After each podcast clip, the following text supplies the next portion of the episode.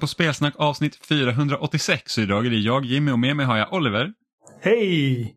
Amanda God dagens. och vi har med en gäst idag också, Kristoffer Lundberg. Välkommen tillbaka. Tjena, kul att vara tillbaka igen. Hallå Krille! det risigaste smeknamnet. Mm. Det är kanske så jag borde introducera oss i det här avsnittet. Det är, det är Jimpan, Mandis, Ollan och Krille. Det, det, det, det, det är lite hårt på, på smeknamnsfronten idag för att Amanda är inte förtjust i ett enda ett. Nej. Jag ska inte vara sån.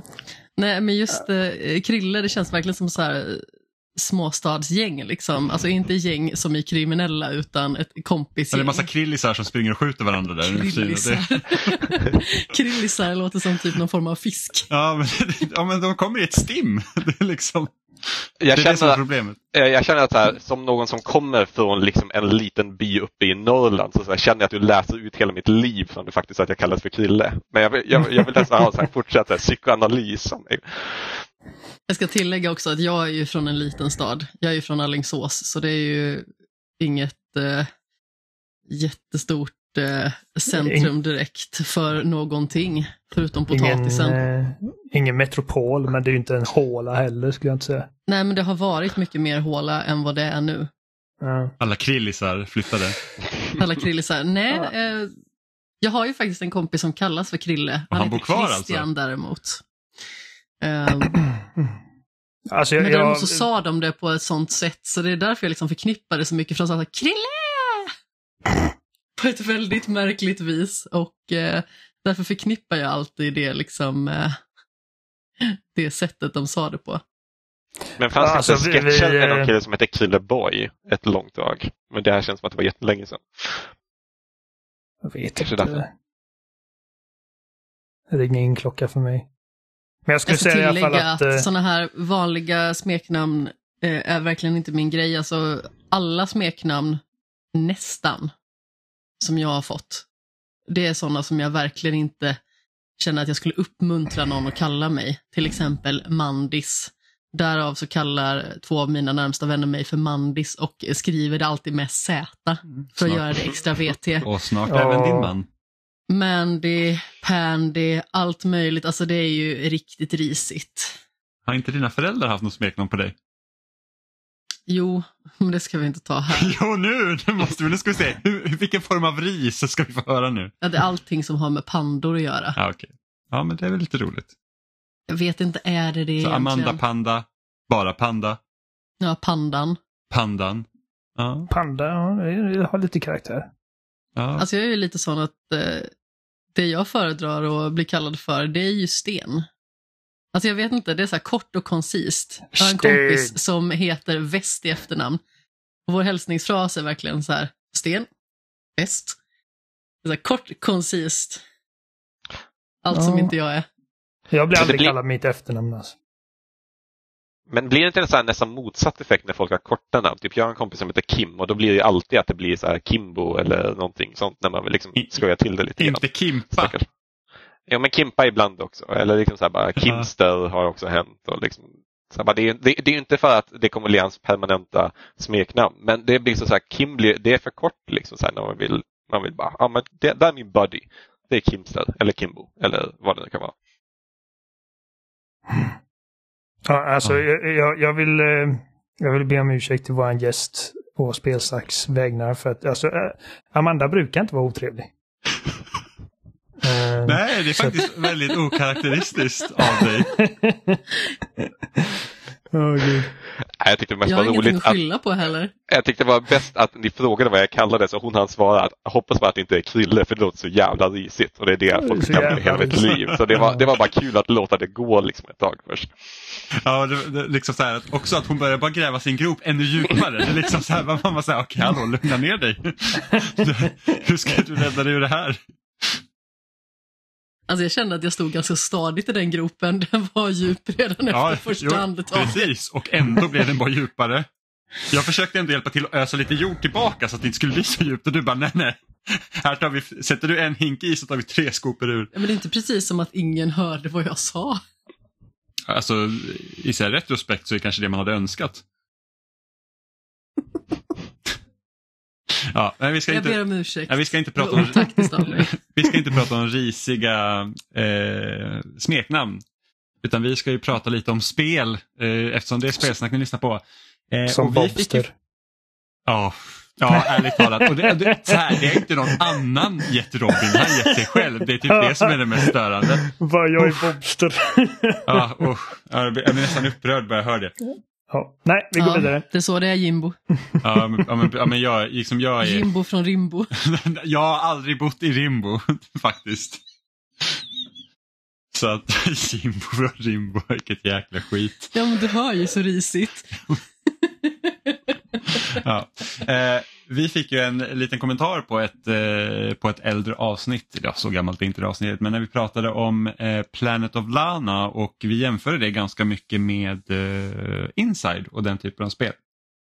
Så har vi fått en, en, en kommentar från Kratsny och nu, det där kan vara ett helt slakteri av, det namnet men eh, det är så jag säger i alla fall. Mm. Eh, Som skriver så här.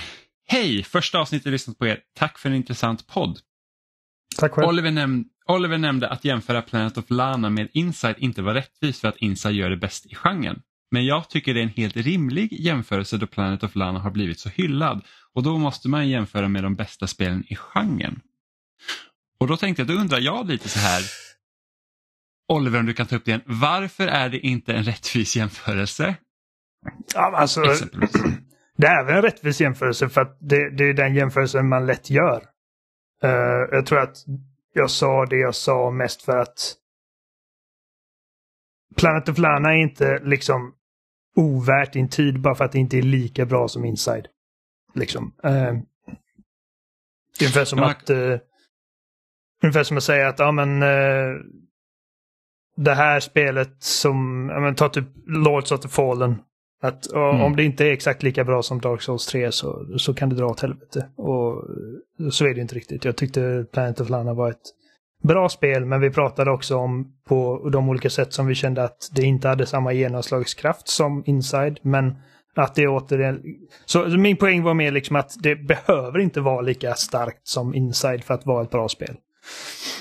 Mm. Så alltså det är ju det, det är definitivt en liksom en jämförelse som är eh, en legitim. För att det är två väldigt snarlika spel. Men, men där kan det också vara att det svåra med just liksom, om man ska säga, den typen av spel att det inte finns så många. Så då Nej, blir det inte, också att... inte just du, den specifika liksom Eh, exakt. eh, subgenren.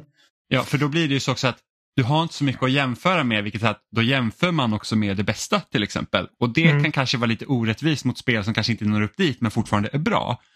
Eh, om vi till exempel tar, tar First Person Shooters till exempel.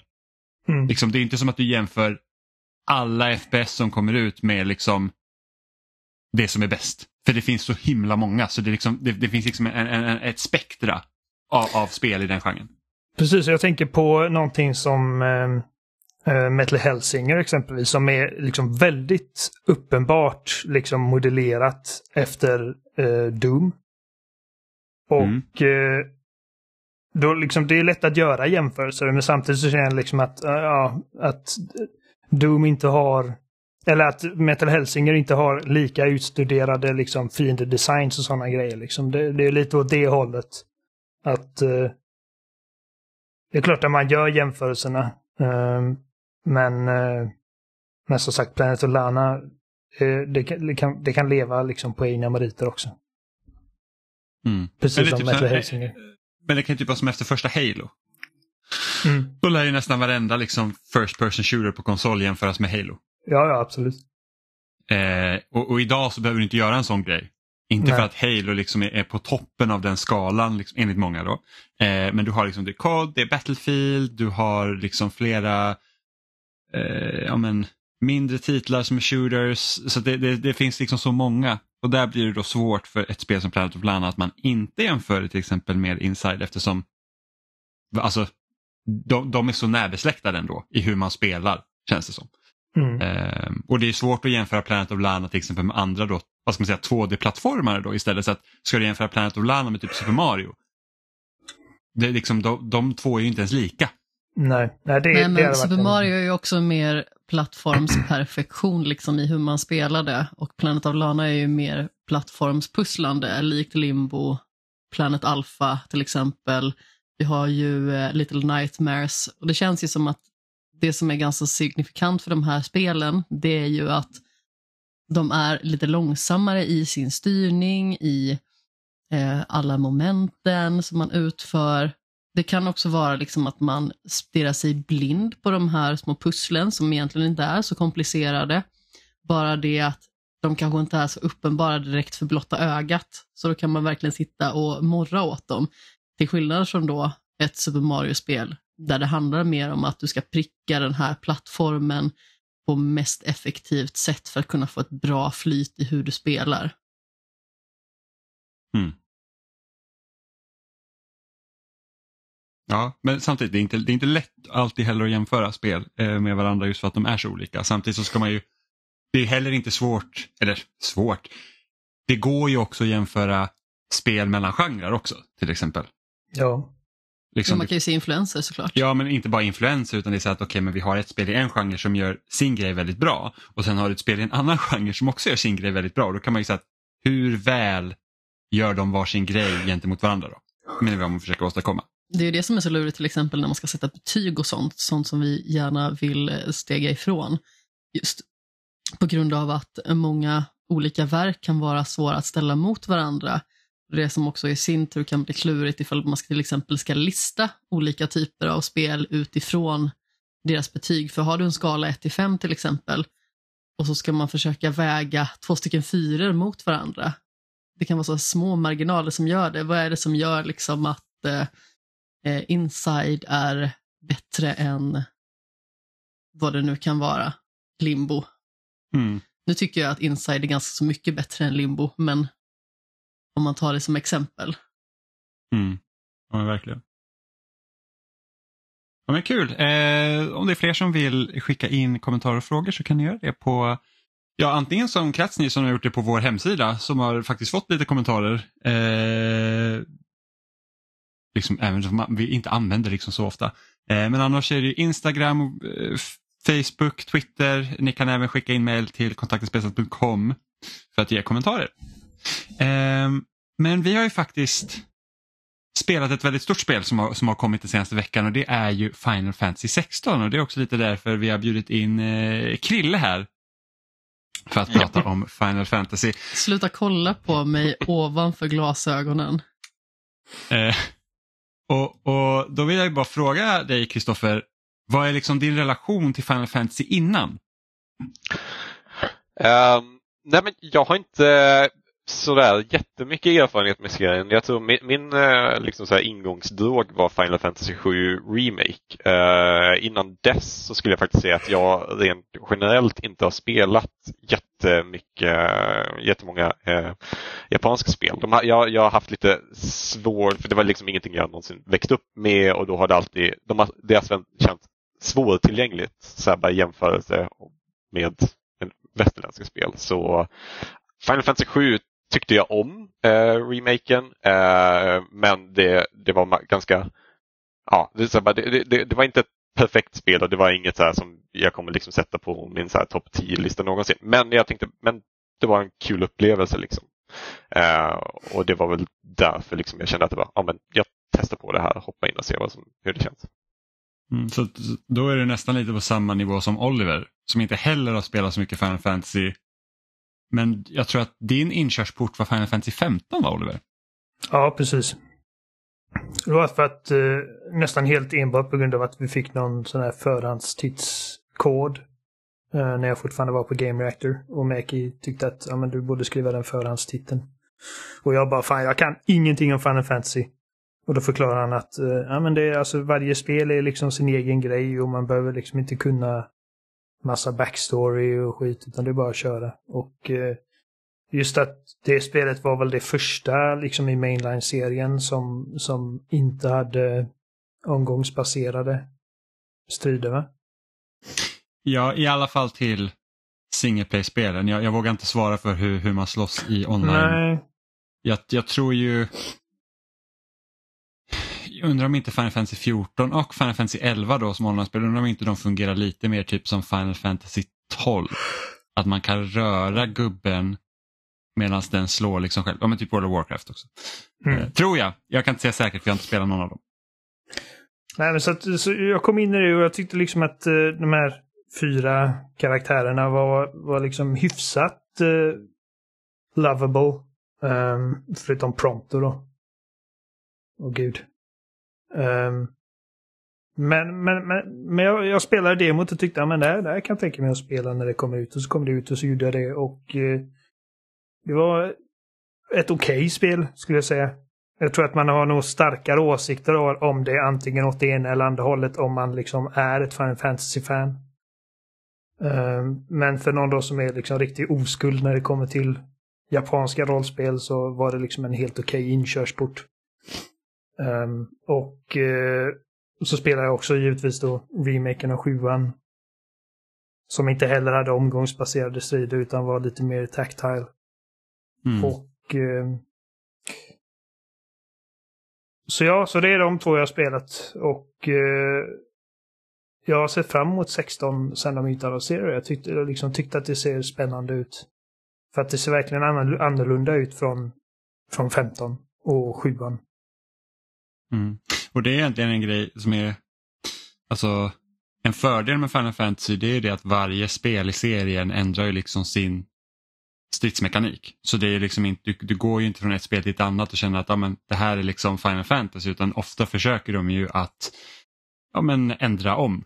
Liksom att du spelar det här spelet på ett annorlunda sätt. Även om tidigare spel har haft omgångsbaserade strider så har ju de inte varit liksom inte rakt av samma stridssystem eh, mellan spelen utan det är alltid liksom någon, någon variant. Och nu är det de tre, det blir egentligen de tre senaste, har ju liksom varit eh, mer actionfokuserade då, än tidigare. Sen så är det ju oftast en ny uppsättning karaktärer också vilket gör det lättare att byta lite hur man har gjort sitt upplägg om man liksom börjar på en bana och sen så har man till exempel en trilogi av spel, liksom, då skulle man ju kanske inte riktigt kunna mecka lika mycket med systemet däremellan.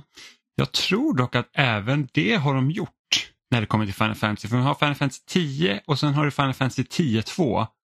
Jag tror inte att de spelas exakt likadant eh, och jag tror heller inte att 13-trilogin spelas likadant helt igenom. Är det en hel trilogi? Eh, jag trodde det var två och 13. Ja, nej, det är Final Fantasy 13, det är Final Fantasy 13 2 och det Lightning är Final Fantasy Returns. 13 Lightning Returns. Jag trodde Lightning Returns var tvåan. Nej, det är tredje spelet. Ja, okay. Och sen har väl hela Final Fantasy 7 alltså en hel serie av olika spin-offs. Det fanns väl Crisis Core och så sen fanns ju ah, det, här, det här nya eh, Battle Royale-spelet på mobil och sen utannonserade ännu ett nytt mobilspel bara här veckan tror jag, eller för några veckor sedan. Ja, precis. Så, det, så det, det, finns ju jättemånga Final Fantasy 7-spel. Liksom, eh, där ingen spin-offs har ju spelats likadant som originalet. Ja, men jag tänker att det kanske är lättare att eh, mixtra lite mer med system och sådär. När man kanske inte känner att man är lika knuten till liksom, samma karaktärer, samma värld exakt hela tiden. Mm. Absolut, Nej, alltså man jag är med vad du menar. Ja, man har liksom lagt upp det egentligen för att kunna ändra. Så det blir spännande att se sen när Final Fantasy 7 Rebirth kommer och se hur, hur om de har ändrat i sitt systemet och hur de har gjort det. Jag tror nog att det kommer vara ganska så likt. Alltså det är en väldigt stor skillnad på de Final Fantasy-spel som jag har klarat ut. Jag har ju klarat ut fyran och Final Fantasy 7 Remake. Sen så har jag ju spelat en del sexan, en del sjuan. Tror kanske jag har nosat på nian. Jag har sett dig spela tian, var det det? Jag, jag, jag har spelat sju, 10, 12, 15. Jag klarar aldrig ut 15. Var det 12 som jag såg dig spela? Då, du såg nog också 10. Ja, så var det nog. För jag spelar 10 och 12 här. Och sen så har jag spelat en del av sexan och jag har spelat en del av trean. 13 har du spelat också. Och 13 har jag spelat också. Det är totalt avskya. Det, det är det som är lite problemet med Final Fantasy för mig. För att jag har ju inte gillat ett enda modernt Final Fantasy. Eh, och jag räknar inte 10 och 12 som moderna längre. Eh, du tänker från 13 och framåt? Ja, precis. För 13 var mitt första Final Fantasy som jag köpte liksom på launch och fruktansvärt spel tycker jag att det är. Eh, och, Fruktansvärt. Ja, alltså, fruk alltså verkligen fruktansvärt. Eh, super, alltså verkligen superlinjärt. Bara möter varenda jäkla fiende som finns alltså, och så kommer man till en boss och den liksom ändå lyckas totalt äga sönder det. Man säger bara, men alltså vad va, va vill du ha av mig? Eh, och men 7 Remake gillar du väl? Ja, precis. Ja. Eh, och, och, och, ja, 7 Remake älskar jag. Jag tycker att det är, det är, liksom, det, är det bästa 3D Final Fantasy jag har spelat. Alltså jag tycker att det är helt fantastiskt i spelet. Eh, Instämmer. Och sen och, och, det tror jag mycket beror också på att det bygger på Final Fantasy 7. För att det, alltså från typ Alltså, jag skulle säga även med tian liksom, så känns det liksom, det har en viss feeling men de, de gamla spelen som kom liksom typ på Super Nintendo och Playstation de har en annan feeling till sig. Som jag tycker att man har lite gått förlorad när serien har blivit modern. Eh, och i 7 Remake så lyckades man återskapa det. Alltså som, som sjuan kände. Och, och, nu är det inte så att jag har någon nostalgisk anknytning till Final Fantasy 7 för det spelade jag 2018, 2017 kanske. Eh, igenom första gången. Eh, så, så, att jag har ju liksom inte sagt att oh, men när jag var typ en liten pojkspoling så älskar jag Final Fantasy 7 utan det är liksom, det har jag spelat senare. Eh, och jag tycker bara att man lyckas återskapa den känslan av, av originalet i remaken. Eh, vilket tycker jag att liksom, det behöll den här speciella känslan. Jag tror du pratade med mig i skämshögen om det till och med. Ja, det, det är mycket möjligt. Eh, men nu har ju 16 kommit då. Eh, och då är man så att, och varför i helvete skulle jag köpa ett Final Fantasy eftersom jag typ inte alls tycker om de moderna Final Fantasy. Det är bara sån jag är. Eh, men 16 är här i alla fall och det är ju betydligt mer actionfokuserat än även liksom både 7 Remake och 15 skulle jag säga. Eh, och att det liksom man har alltså- liksom, det, det, känns nästan som en blandning av ja, men, mer åt Devil May Cry hållet än liksom om man nu tänker 7 Remake som är ett väldigt bra rollspelsystem gjort liksom med mer actionbetonat. Medan här är det egentligen, du, du spelar liksom Clive som är huvudkaraktären här. 16 känns inte som mycket av ett rollspel överhuvudtaget tycker jag. Mm, nej. nej. Eh, men hur långt har ni kommit ungefär? 12 timmar ungefär. Ja, det är ungefär som jag då. Och du Kristoffer? Ja, oh, gud, jag kollar inte på min uh, tim-counter, men det kanske står på 6-7 timmar. Um, mm. Ja, jag har precis låst upp ett nytt moveset kanske man kan säga. Försöka ah, okay. undvika spoilers. Ja, så du har mött ja, men... Eh, en uh, sån här icon? Ja, ja men exakt. Ja. Mm. Så vad tycker ni så här långt? Vill du börja Kristoffer eller? Uh, jo men absolut, det kan jag göra. Uh, nej, men jag, är, jag är ändå ganska glatt överraskad än så länge. Alltså jag tycker det som slår mig både när jag spelar det här och liksom Final Fantasy 7 är liksom så bara den otroliga ambition som finns bakom de här spelen. Alltså uppenbarligen är ju för alla Final Fantasy-spelare typ jättestora grejer för liksom fans av serien och liksom de tar verkligen sin tid på sig. Men jag tycker bara liksom så här, den bara, bara för folk som har, liksom har spelat demon så är det så bara miljövariationen och variationen i striderna och liksom eh, och liksom mängden karaktärerna som slängs fram och tillbaka. Liksom det, det är väldigt häftigt att uppleva ändå. Det tycker jag, så här, alltså så här, det, det blir mycket annars kring så att jag, tänk, jag tänkte väldigt mycket på det. Okej, okay, om det här hade varit någon annan så här AAA-utvecklare så hade man velat återvinna de här sakerna gång på gång på gång. Medan här känns det som att man bara gå igenom massa saker. Eh, och liksom så här, sen kan du ha en cutscene som är typ 7-8 minuter lång som bara är så exposition. Man bara okej, okay, det, är, det är ganska nice. Eh, jag, jag kan uppskatta det. Eh, och combat tycker jag, jag, jag älskar combaten. Alltså jag tycker att de, jag är ju liksom så här framförallt mer ett eh, fan av liksom um, Devil May Cry-ish strider. Så jag tycker, för mig är det absolut ett steg i eh, rätt riktning. Eh, det enda jag kan egentligen tycka om det är att striderna är lite för lätta ärligt talat fortfarande. Eh, jag vet inte om det blir svårare liksom än längre in. Men än så länge har det känts som att liksom så här, du har inte så många svårighetsinställningar men det känns lite som att spela på easy mode även i liksom det här action grejen som de har. Eh, action mode som jag antar är svårare. Um, mm. Men liksom så här, nej men samma, alltså, jag, jag, jag tycker att liksom så här, de börjat det, det, spelet börjar väldigt starkt och uh, liksom så här, kärnan i storyn tycker jag de har gjort bra och ganska enkelt att liksom hänga med i. Uh, sen finns det lite väl många så factions som liksom så här, du behöver liksom träna in att lära känna liksom vad allting är. Uh, men, äh, men uh, kärnan i det tycker jag ändå känns bra. Mm.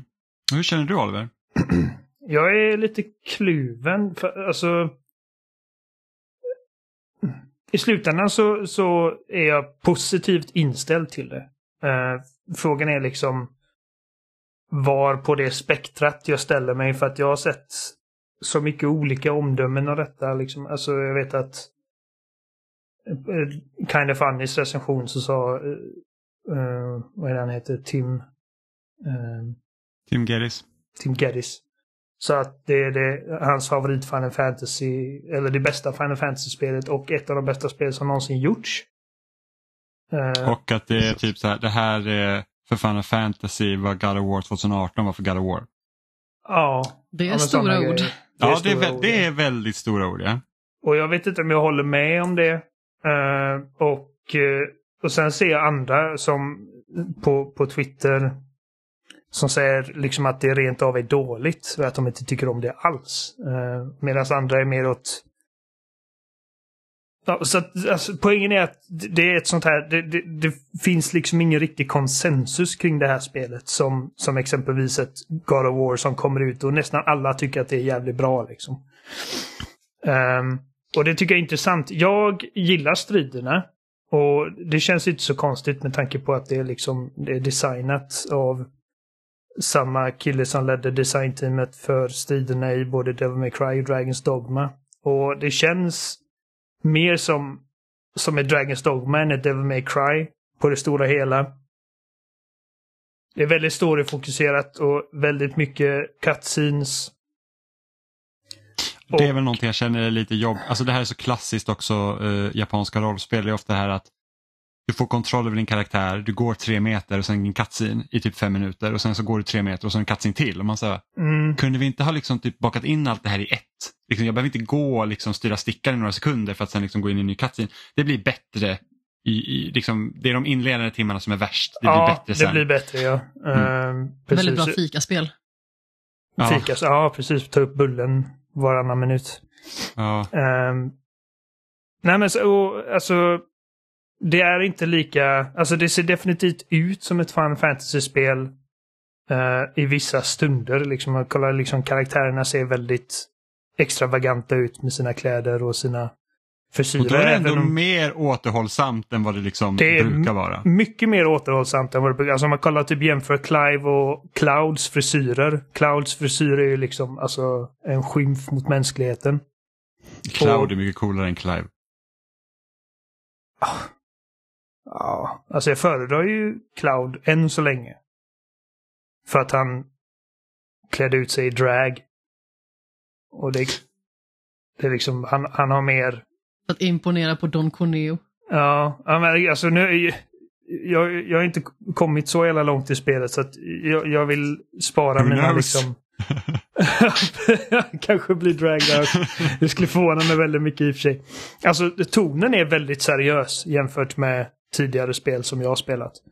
Mm. Och eh, nej, det har alltid funnits eh, seriösa ögonblick i de här spelen men det, är liksom, det har känts som att det är liksom whimsical spel med seriösa ögonblick. Och detta är ett väldigt seriöst spel.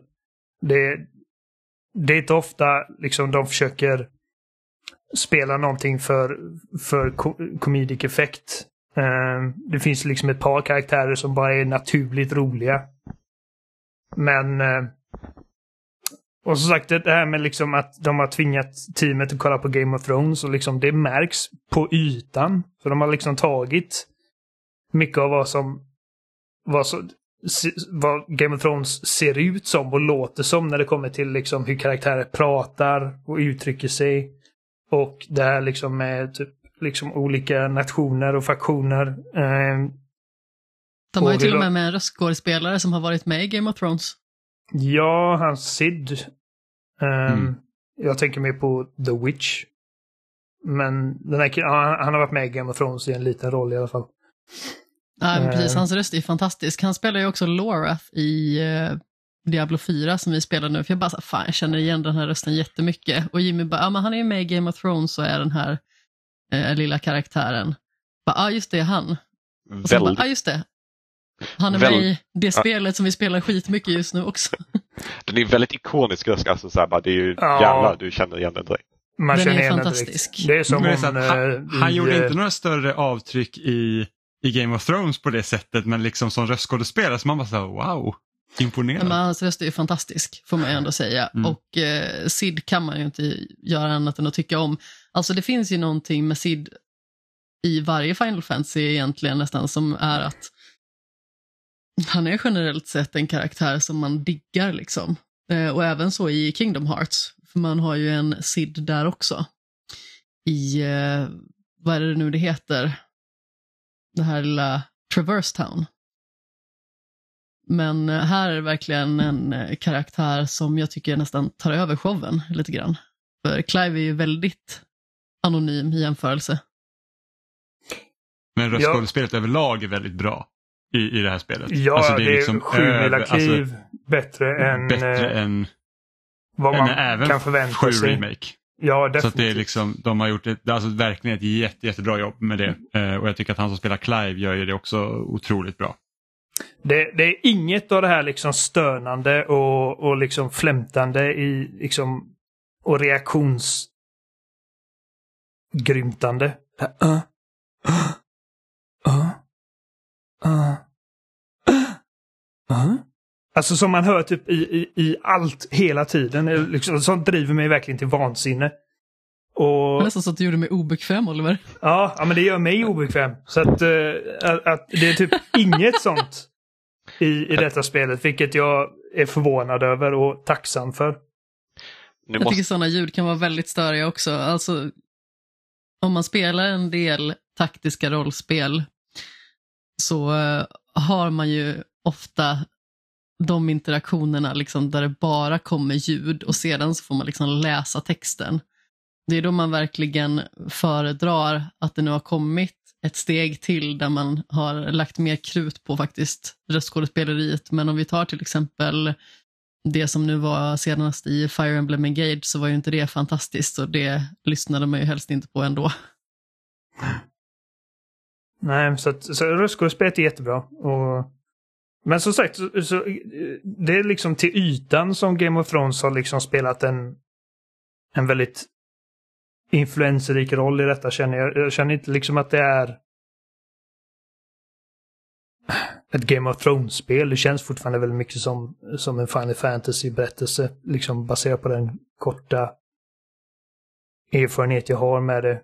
Um, Fast väldigt mörkt och ruffigt. Man kommer ju till ett parti där det verkligen osar ond bråd död och man bara så här, nästan ryggar tillbaka. Jag satt ju bredvid och spelade ett eh, mysigt gulligt spel, men eh, även jag fick lite kalla kårar. Ja, men det är liksom, det- är så att, som- sagt, alltså, det är Game of i så här, typ, alltså det märks ganska mycket i början när liksom så att, ja, men, de svär. Det är väldigt blodigt för att vara ett Final Fantasy, även, även om det är mycket våld i Final Fantasy så är det inte liksom, det är inte den här typen av våld. Nej. Eh, och sen det här också med att man liksom, man ser nakna karaktärer som liksom Idkar eldskog. idkar Gökar. älskog liksom, Ja. och liksom har konversationer däremellan. Liksom, eh, vilket också känns väldigt Game of Thrones och, och väldigt okaraktäristiskt för Final Fantasy. Sen det de missar på då, alltså det, det, om man tänker liksom kärnan i Game of Thrones är att du har ju de här flera olika eh, viewpoints från olika delar av världen. Eh, Mm. Och så långt som jag har kommit så är det väldigt lite av, du vet inte riktigt vad som pågår hos de andra. Det är liksom, du, du är Clive och det är där mestadels berättelsen utspelar sig. Det, det är precis som att om vi hade sett första säsongen av Game of Thrones så följer vi typ Ned enbart. Och sen så kanske vi får se någon gång typ Jamie Lannister eller Cersei eller något sånt där. Liksom bara som en sidogrej. Eh, så att det som är svårt just nu så långt som jag har kommit är det här att jag är inte riktigt säker på liksom vad, vad, vad är planen för länderna runt omkring som, som liksom, där kriget sker. Jag, jag har ju bara perspektivet från egentligen vad det, liksom, det, det förband som Clive tillhör och vad, och vad de kämpar för. Ja, för eh, ja, jag ska låta dig säga något, Kristoffer. Nej, men jag tänkte bara lite grann på eh, liksom så här, början av spelet när de ändå liksom så här, låter dig se lite grann av, liksom så här, eh, och det, det är ju med DMt också, liksom så här, hur det finns diskussioner i den större världen kring en massa karaktärer. Jag måste säga, jag spelade ju det demot och så sen hann det väl gå, vad var det, en eller en och en halv vecka eller någonting sånt där innan jag liksom tog mig an hela spelet. Och jag måste säga att ja, det var ju kul då i stunden att kunna få se en liten glimt av världen. Men det var ju också då väldigt förvirrande och det tycker jag fortfarande är så här. Clives väg framåt, den känns ganska tydlig och liksom så här, där är motiveringarna enkla. Men jag tycker inte att det är de, de delarna man har fått se en större del av världen så har det nästan bara varit mer förvirrande. Uh, och liksom så här, det, är, det är så himla många pusselbitar som måste passa ihop innan man känner att man fattar en helhet. Um, så jag vet, jag, jag, tänkte, jag vet inte om jag skulle vilja ha mer drag från Clive eller inte faktiskt. Nej, alltså det beror på. Det, det är liksom så att det, det, kanske hade känts att spelet hade spretat väldigt mm. mycket om man hade fått skifta perspektiv på det sättet. Eller, eller så hade vi fått titta och, och sett liksom hur många så här, Kojima cutscenes som helst liksom som pågår typ 45 minuter. Och man bara, mm, det här var ett bra avsnitt av Final Fantasy 16. Eh, och det vill man inte heller ha kanske. Eh, men sen är ju också karaktärerna runt Clive är väldigt få. Alltså om man jämför med många andra Final Fantasies där du liksom, om man är rätt som det är så är ni typ åtta pers som liksom reser tillsammans. Och även om det finns flera stycken personer liksom i, i den här gruppen som Clive tillhör så är det ju oftast bara så att du reser med kanske en eller två extra personer som egentligen man kommer närmre eh, så att säga. Eh, vilket mm. också är en väldigt stor skillnad.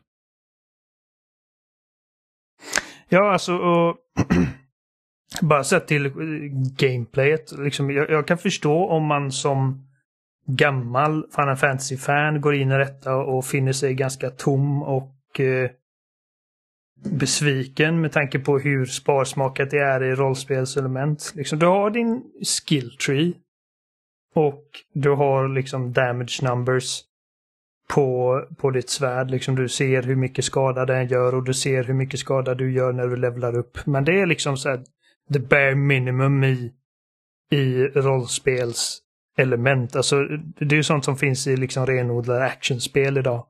Och vi har ju pratat mm. om det här förut, liksom vad är det som gör ett rollspel till ett rollspel? Um, och uh,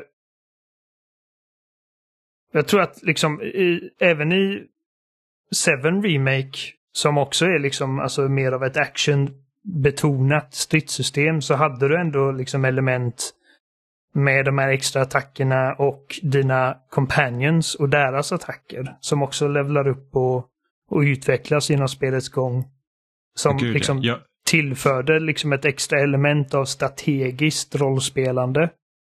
Vilket du inte riktigt har här för att det, det är bara Clive och du har liksom enkla kommandon till din sån här varghund. Um. Mm. Och, och, det är väl det jag tycker liksom att just nu för min del så är nog det det största minuset. Eh, liksom är ju då att Final Fantasy 7 Remake tyckte jag gjorde det här verkligen jättebra. Liksom är så att okej, okay, vi, vi, kollar på hur systemet var liksom på Playstation 1 liksom i originalet. Eh, och sen gör vi, tar vi det systemet och så ser vi hur kan vi göra det här mer som ett actionspel så att du kör liksom i realtid snarare än att liksom, ja, karaktärerna står på rad och väntar på att få göra sina attacker. Mm. Och liksom just att de, man kunde switcha karaktärer, du kunde liksom slänga in dem så att alltså, man, man kunde styra helt andra karaktärer, du behövde inte styra eh, Cloud om du ville. Eh, och sen liksom att du kan utrusta dem och liksom så att du bygger liksom ditt lag om man säger så. Eh, och här är det ju verkligen bara Clive och speciellt liksom i de inledande timmarna för du har inte så mycket valmöjligheter heller. Eh, nej, gud nej. Vilket gör också så, här, så, att, liksom så att man bara så här, jag kände så här efter typ fem timmar, jag bara, är det här allt? För att då vet inte jag hur ska det här hålla liksom spelet ut för att det här är inte speciellt kul. Eh, men sen ju längre fram man kommer så låser du också upp fler förmågor och, och liksom du, du, du får sätt att eh, ha mer saker att göra under striderna för att liksom länka ihop eh, liksom dina olika attacker och, olika typer av attacker och så. Eh, vilket, vilket gör liksom det mer engagerande men det är någonting jag ändå saknar i det. Liksom att det hade varit nice att kunna liksom slänga in en, en companion och säga så att oh, men nu får du göra den här attacken. För att ibland så står de bara och ser dumma ut och man bara varför slår du inte? Vi håller, alltså, de dödar oss. Eh, och sen så det här, en grej här. Och sen så också med typ att det här du har ju när, på större fiender så har du den här staggermätaren liksom, som, som, som, man måste få ner till noll. Liksom. Och ofta så för att döda en sån fiende så måste du få ner den mätaren två gånger och det, det kan bli lite monotont eh, att hålla på med det. Liksom. För det är så att ja, men jag gör mina samma attacker här för att det är det som funkar. typ. Eh, och, och, och, nyckeln kanske till liksom att då bli så effektiv som möjligt i, i, i liksom större och svårare strider är väl det att hitta attacker där du kan få ner staggermätaren så snabbt som möjligt så att liksom, mm. ja, de blir stannade och sen så kan du liksom bara unleash hell. Liksom. Eh, men det är inte jätteroligt känner jag alltid. Liksom. Utan jag det är mest att... man bara åh. Men, alltså, eftersom att jag är mer av en actionfantast än en rollspelsfanatiker. Så hade jag tekniskt sett, liksom själviskt då, som inte har liksom en jättedjup relation till den här serien, så hade jag tekniskt sett haft något problem med om, om detta bara liksom var tänkt att vara ett actionspel. Uh, problemet är att jag har jättekul i striderna uh, och det finns ett djup där och det är kul att gräva ner sig i. Men spelet är liksom inte tempomässigt avvägt som ett actionspel. Uh, du har liksom längre sträckor där du går på liksom quests och pratar med karaktärer och lyssnar på deras backstories. Och uh, hjälper dem med grejer. Och jag tror att liksom det tredje uppdraget där jag fick liksom gå till tre NPCer och ge dem en tallrik mat så kände jag okej. Okay. Ja. Det här liksom quest, quest-designen är ingen vidare i det här spelet. Nej, och, och det har ju att göra med liksom att, att är, är det producenten för spelet liksom har också varit producent för Final Fantasy 14. Mm. Och det är liksom typ typiska MMO-liknande quest. Ja. Eh, sen har jag hört att det ska finnas fantastiska sidequests i spelet. Men de kommer liksom andra halvan. Ja, men det har varit ett par eh. som jag känner, okej, okay, men det var liksom en spännande twist. För liksom det slutade på ett sätt som jag inte förutsåg. Uh, men generellt så är det väldigt mycket liksom att gå och prata med den här. Och sen går du och pratar med den här. Kanske att du behöver döda något monster. Uh, för att rädda en person från någonting. Så att liksom ett actionspel. Om man inte liksom har liksom de här djupa rollspelselementen att falla tillbaka på. Så behöver man ha liksom en, en tajtare, liksom övergripande resa, känner jag. Om det hade varit liksom uppsatt som ett Devil May Cry-spel där du har väldigt liksom tajt regisserade banor med väl avvägda encounters. Liksom gång på gång på gång på gång. Så hade det fungerat bättre eh, än liksom det här typ icke-rollspelet som är satt i en rollspelsvärld. Liksom. Mm. Uh, jag är glad över att det inte är liksom ett traditionellt open world-spel där, liksom, där man springer från uh, liksom fiendeläger till fiendeläger och dödar folk för lite XP. Um, ja, nej, nej, jag, ty jag, tycker också att världen är bra sammansatt. Det är liksom, för att det blev ju tokig över i Final Fantasy 15 när man var i den öppna världen och sen så var det ändå så begränsat hur du kunde röra dig över den att det liksom blir bara massa scenvägar om man försökte liksom gena lite. Ja. Eh, Medan här, det, det, känns liksom mer som ett ty, ty, så här, typ Tomb Raider, alltså från alltså den senaste trilogin eh, och typ man har sneglat lite på Souls-spelen. Liksom, att ja, men, du kan länka ihop de här kartorna om du vill men du kan också bara fast-travela dig liksom, överallt. Ja, precis. Uh, och, och, och, jag uppskattar det för att det känns som att det liksom inte blir för stort och liksom för mycket bara meningslöst innehåll för sakens skull. Men alltså de två saker som jag ser liksom att man kan finna värde i i det här spelet är liksom att striderna är kul. Och möjligtvis att man tycker att storyn är gripande. Och att man vill liksom se mm. hur, det, hur det utvecklas och man vill se hur Clives resa slutar i slutändan. Uh, jag finner inte det här liksom drivet som jag har i Destiny exempelvis. Där, där, där liksom mitt mål är att bygga upp min karaktär och, och, och stärka min karaktär och bygga in, intressanta builds och intressanta loadouts. För att det existerar liksom inte. Det finns inget utrymme för den typen av gameplay här. Så att men liksom, jag, jag känner att jag, jag, finner liksom lite djupare rollspelselement i ett liksom genomsnittligt AAA spel nu för tiden. När God of War känns som att det har mer liksom um, bara mekaniskt rollspelande. Uh, för att där kan du i alla fall byta kläder på en gubbe liksom. Ja, jag var väldigt överraskad att du inte ens kan, alltså så här, den där, för jag tänkte på det i början liksom av spelet att det, det här är den enda rustningen jag kan ha på mig. Och varför? Och det känns så löjligt och du har ju en, du har ju en gear tab men det är essentiellt ingenting som är kosmetiskt bortsett från din, eh, ditt, ditt svärd då, antar jag. Nej, du har typ ett bälte och sen har du typ bracers och de ger dig olika stats men det är ingenting som reflekteras på din karaktär. Det enda du ser är liksom när du får ett nytt svärd. Um, men, men även där så är det liksom att det finns alltid ett svärd som är objektivt bättre.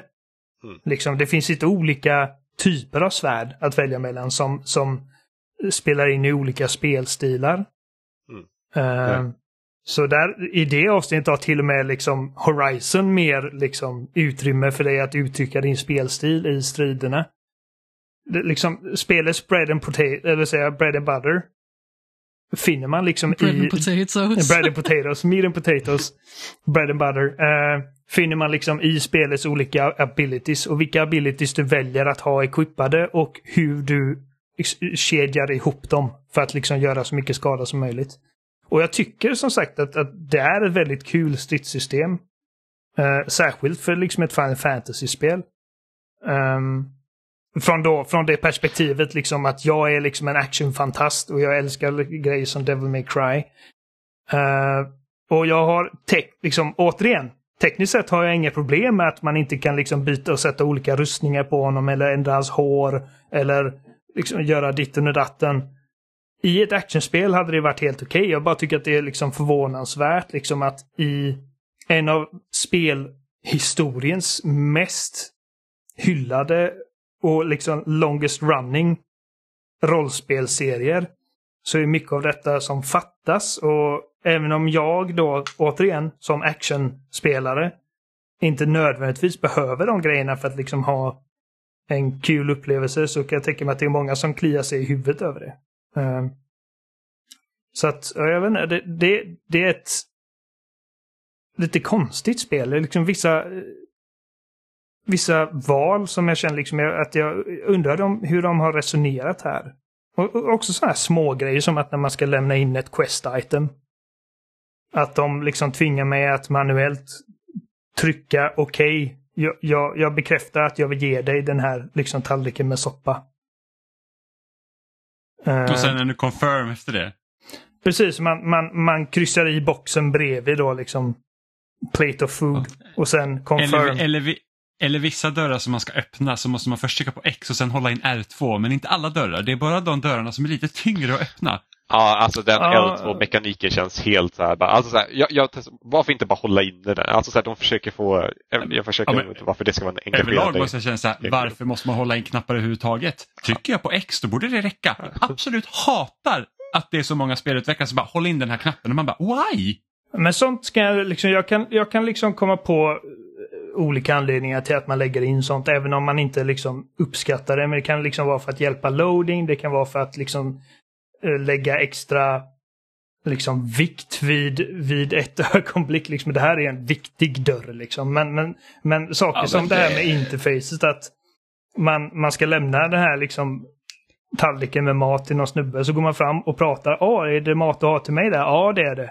Och sen kommer den här rutan upp. Vill du ge den här maten? Och det är liksom... Nej. Varför skulle jag inte? För att det finns ingenting i spelet som, som liksom tillåter det att hända någonting annat om jag inte ger honom. Jag vet inte, liksom det, det är bara en...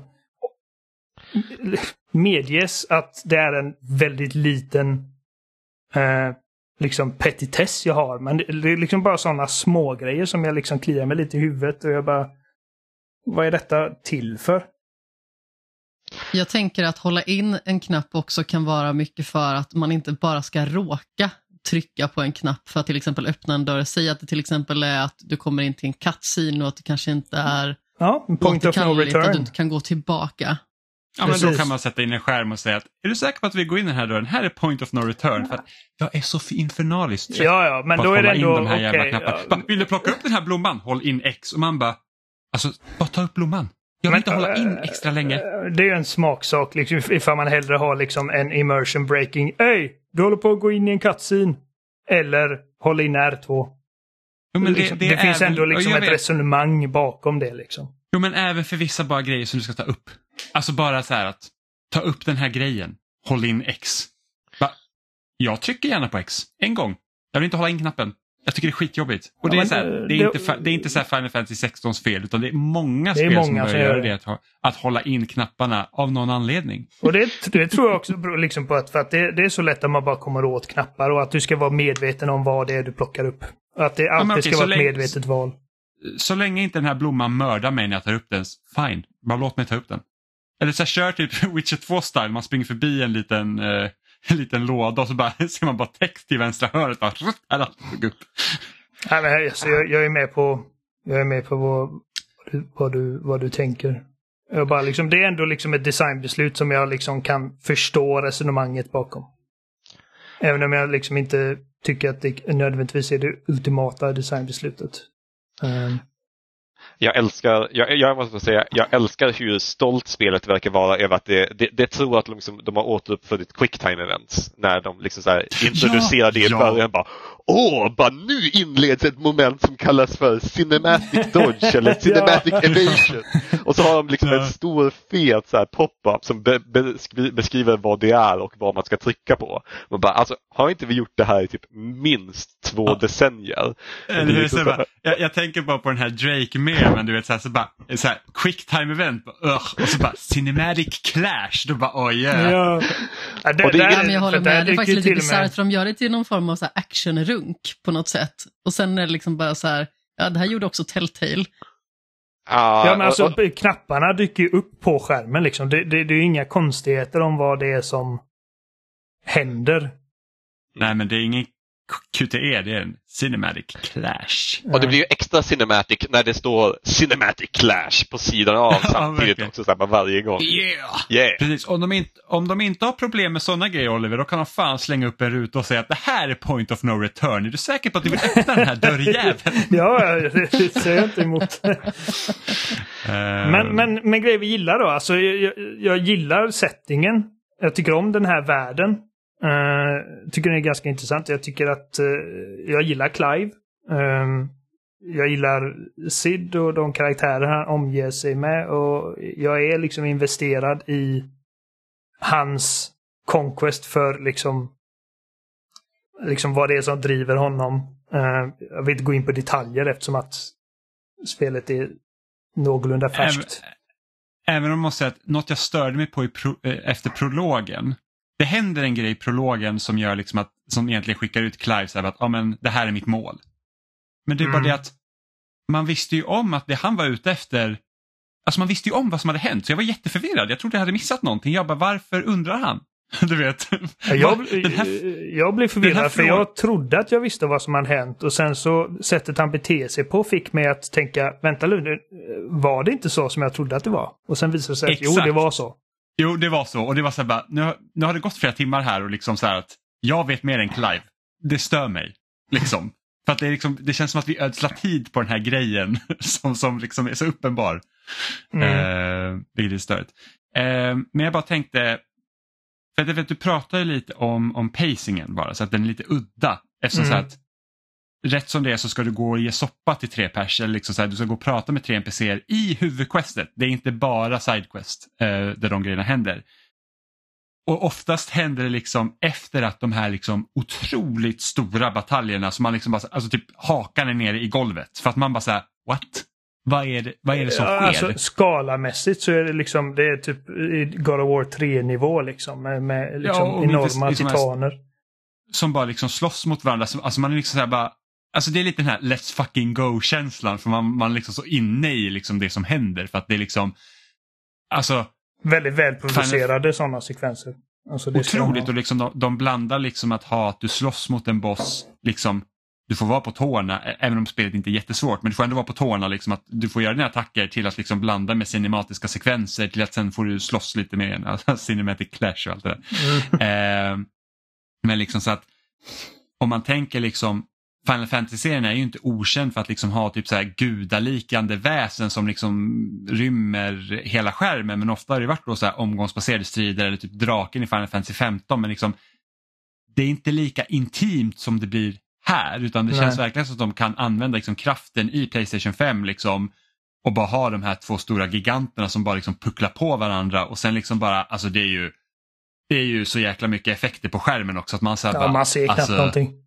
Nej men det är typ, äh, ja, men alltså, nej precis, och man bara så här, alltså, ögonen är typ stora som tallrikar och man bara så här, typ spyr regnbågar. Det är liksom bara så här, man bara what the fuck is happening? Ja. Och så, och, av, det, det jag har sett på Twitter också att folk skriver om att de bara, "Ah, men tyckte det här var liksom maffigt? Liksom, du, du har ingen aning om vad som kommer. Liksom att Nej, det, är det liksom, det, det, det kommer liksom vara ännu mer stört. Ehm, så att, att det är någonting de gör jättebra. Eh, det är liksom de här stora strid... Och, och jag gillar inte bossar, jag tycker att bossar är skittråkigt. Ehm, Ja, det är weird. jag, är, jag är ändå med på det här liksom spektaklet och bara så här, oh, jäklar vad, vad nice. Liksom.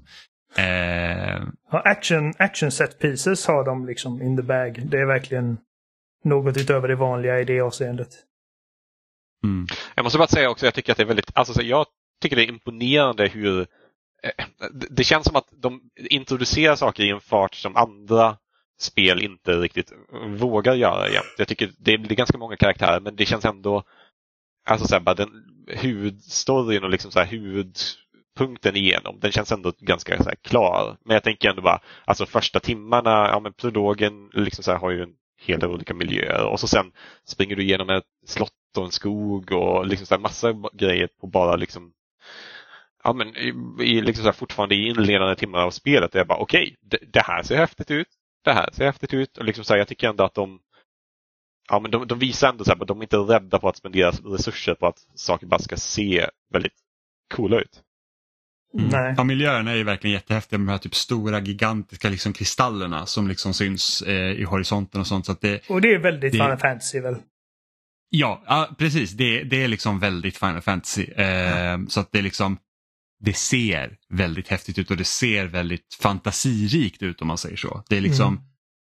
om man nu tänker typ Game of Thrones som har minimalt med typ magiska grejer och sen ökar det under liksom seriens gång så här är det ju verkligen liksom att nej men magi existerar här och det är liksom det är in your face oftast eh, också. Man Eh, tänker ju inte på Game of Thrones som en fantastikserie på det sättet tycker inte jag i och med att det är liksom inte det som är kärnan trots att det liksom är en väldigt stor del av hotet och vad som kan vara beskyddande och så vidare.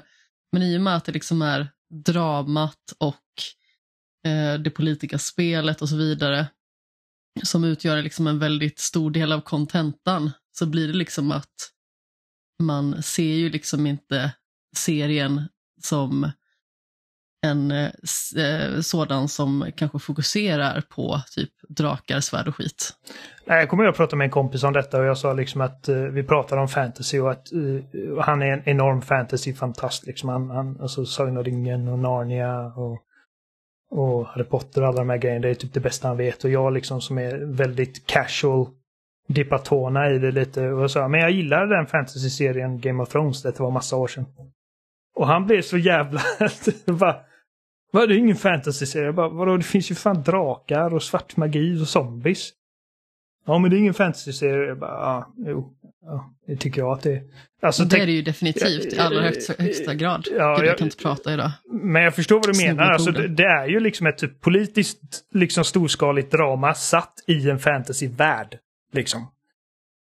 Ja, men precis, så det är Eh. ganska imponerande att det liksom inte blir drakar, vålnader och sånt som blir det centrala med tanke på att det ändå finns väldigt mycket av det. Fram tills det blev det. liksom. Ja, jo men naturligtvis. Alltså, men jag typ tycker 70 fortfarande att det liksom inte är det som man fokuserar på så jättemycket. Utan man fokuserar ju på vad karaktärerna ska göra, vad karaktärerna ska dra för fulspel liksom bakom varandras ryggar. Det är det Mm, man tänker ja. på. Man tänker liksom inte på vad ska The Night King göra nu? Nej, och, och, och, och särskilt de första liksom typ fyra, fem säsongerna. Och, och det är lite där liksom där jag snackar om eh, hur Final Fantasy 7 liksom väldigt mycket till ytan man ser liksom vad influenserna från Game of Thrones har kommit. För att allt de liksom djupa intrigerna och, och alla de grejerna som är så jävla spännande i Game of Thrones. Inget av det där finns här. I alla fall så långt som jag har kommit. Och som jag har förstått det liksom när jag kollar jag läste vad, vad Jason Schreier sa om det, liksom att de sätter upp den här världen med liksom den politiska, de olika fraktionerna och, och allt det där. Och sen slänger de bara det åt helvete för att gå liksom all anime nonsense. Vilket jag helt förväntade mig i och för sig. För att det är liksom, det, det, bli, det, det blir väl alltid så. Men det måste, ja, men det, det, det, känns ändå bara som en disconnect så bara, om man inte har spelat så himla många av de här. För det blev så här lite grann ett par gånger när det, så här, ja, men det är två karaktärer som så här, är fientliga mot varandra och bara börjar typ skrika på varandra. Och, bara, och så sen du bara, ja men okej, nu kommer de antingen avsluta med några fler glåpord eller så kommer de fightas lite grann. Och en av dem bara Cthulhu Final Form istället. Alltså kanske inte riktigt så mycket, men så här, man bara, åh just ja, Final Fantasy. Eh, det ja, man, man får påminnas om det i alla fall. För för mig, liksom, Final Fantasy 7 handlar ju liksom om ett gäng liksom, eh, ekoterrorister som anlitar en, en mercenary för att rädda jorden från liksom ett såhär, miljöförstörande konglomerat. Heter det så? Conglomerate? Eh, Ja, visst. men i slutändan är det, det är ju liksom så jävla långt ifrån vad den liksom slutgiltiga liksom destinationen leder oss. Det blir Ja, liksom det är också- gudar och, och typ eh, Ja, men- tidsresor och dimensioner och liksom allt sånt jävla obegripligt skit. Ja, men sen tänker man originalet för sjuan så är ju liksom det som remaken han- behandlar. Det är typ de första typ två, två tre timmarna. Ja, Så det är liksom bara pushen för att de liksom ska komma iväg på resan. jo, jo precis. det- Men, men det, och det, Ja. det, är liksom, det är ju det som i de här fallen har liksom fångat in mig. Liksom, att det är typ en handling och en, liksom ett koncept som känns förankrat i någon form av objektiv verklighet som jag kan klamra mig fast vid till en början. Så det var Mm. vad Final Fantasy var. Och Final Fantasy 15 var liksom fyra bros ska ta en roadtrip för att komma fram till eh, prinsens bröllop eller vad det är. Och sen så spårar det också ur helt totalt. Och i detta spelet är det att Clive råkar ut för någonting, en fruktansvärd tragedi i sin ungdom. Och blir typ exiled i 13 år. Och Ja, han blir inte bara exile, han blir liksom förs- han blir en slav. förslavad, ja precis. Ja. Eh, Eh, han förlorar och- och- allting och eh, liksom hans väg till hämnden är det som driver honom. Och det är liksom återigen en simpel premiss som jag liksom kan klamra mig fast vid. Men sen kommer allt det här liksom med typ eh, Bahamut och liksom alla de här konstiga gudaliknande Lät som du grejerna. sa Bahamuttan. Ja. Bara Men det, och, det, och det är någonting som jag är lite orolig för att de kommer kasta bort ju längre in i spelet man kommer. För att, för att just nu är det verkligen så att okej men de kämpar liksom för att Alltså egentligen för att frigöra slavarna kan man egentligen säga. De måste liksom Ja. få ett bättre liv. Det, det är liksom, det är liksom Sids eh, USP om man säger så för att liksom göra det han gör. Ehm, och, och, och man får liksom se liksom hur, för att Clive har ju också varit liksom i, en, i en roll där deras familj hade också slavar. Precis, det var så liksom normen. Ja men precis. Eh, och nu kämpar de liksom för att, för att, eh, för att liksom, ja, men, frigöra dem. Hur, liksom, hur kan vi rucka på systemet? Hur kan vi göra så att de rika inte tar allt? Eh, för det, det är liksom teman som spelet rör vid som många andra Final Fantasy också. Du har liksom eli, alltså överklassen, alltså eh, samhällets elit som, som tar allt. Alla resurser, allting. Det spelar liksom ingen roll hur det påverkar människor runt omkring och, och, och, och världen de bor i. Utan det är liksom så att kan vi liksom en hacka så, så, så går det överallt. Och det kan man ju känna igen liksom från, från vårt eget samhälle och allting sådär. Mm.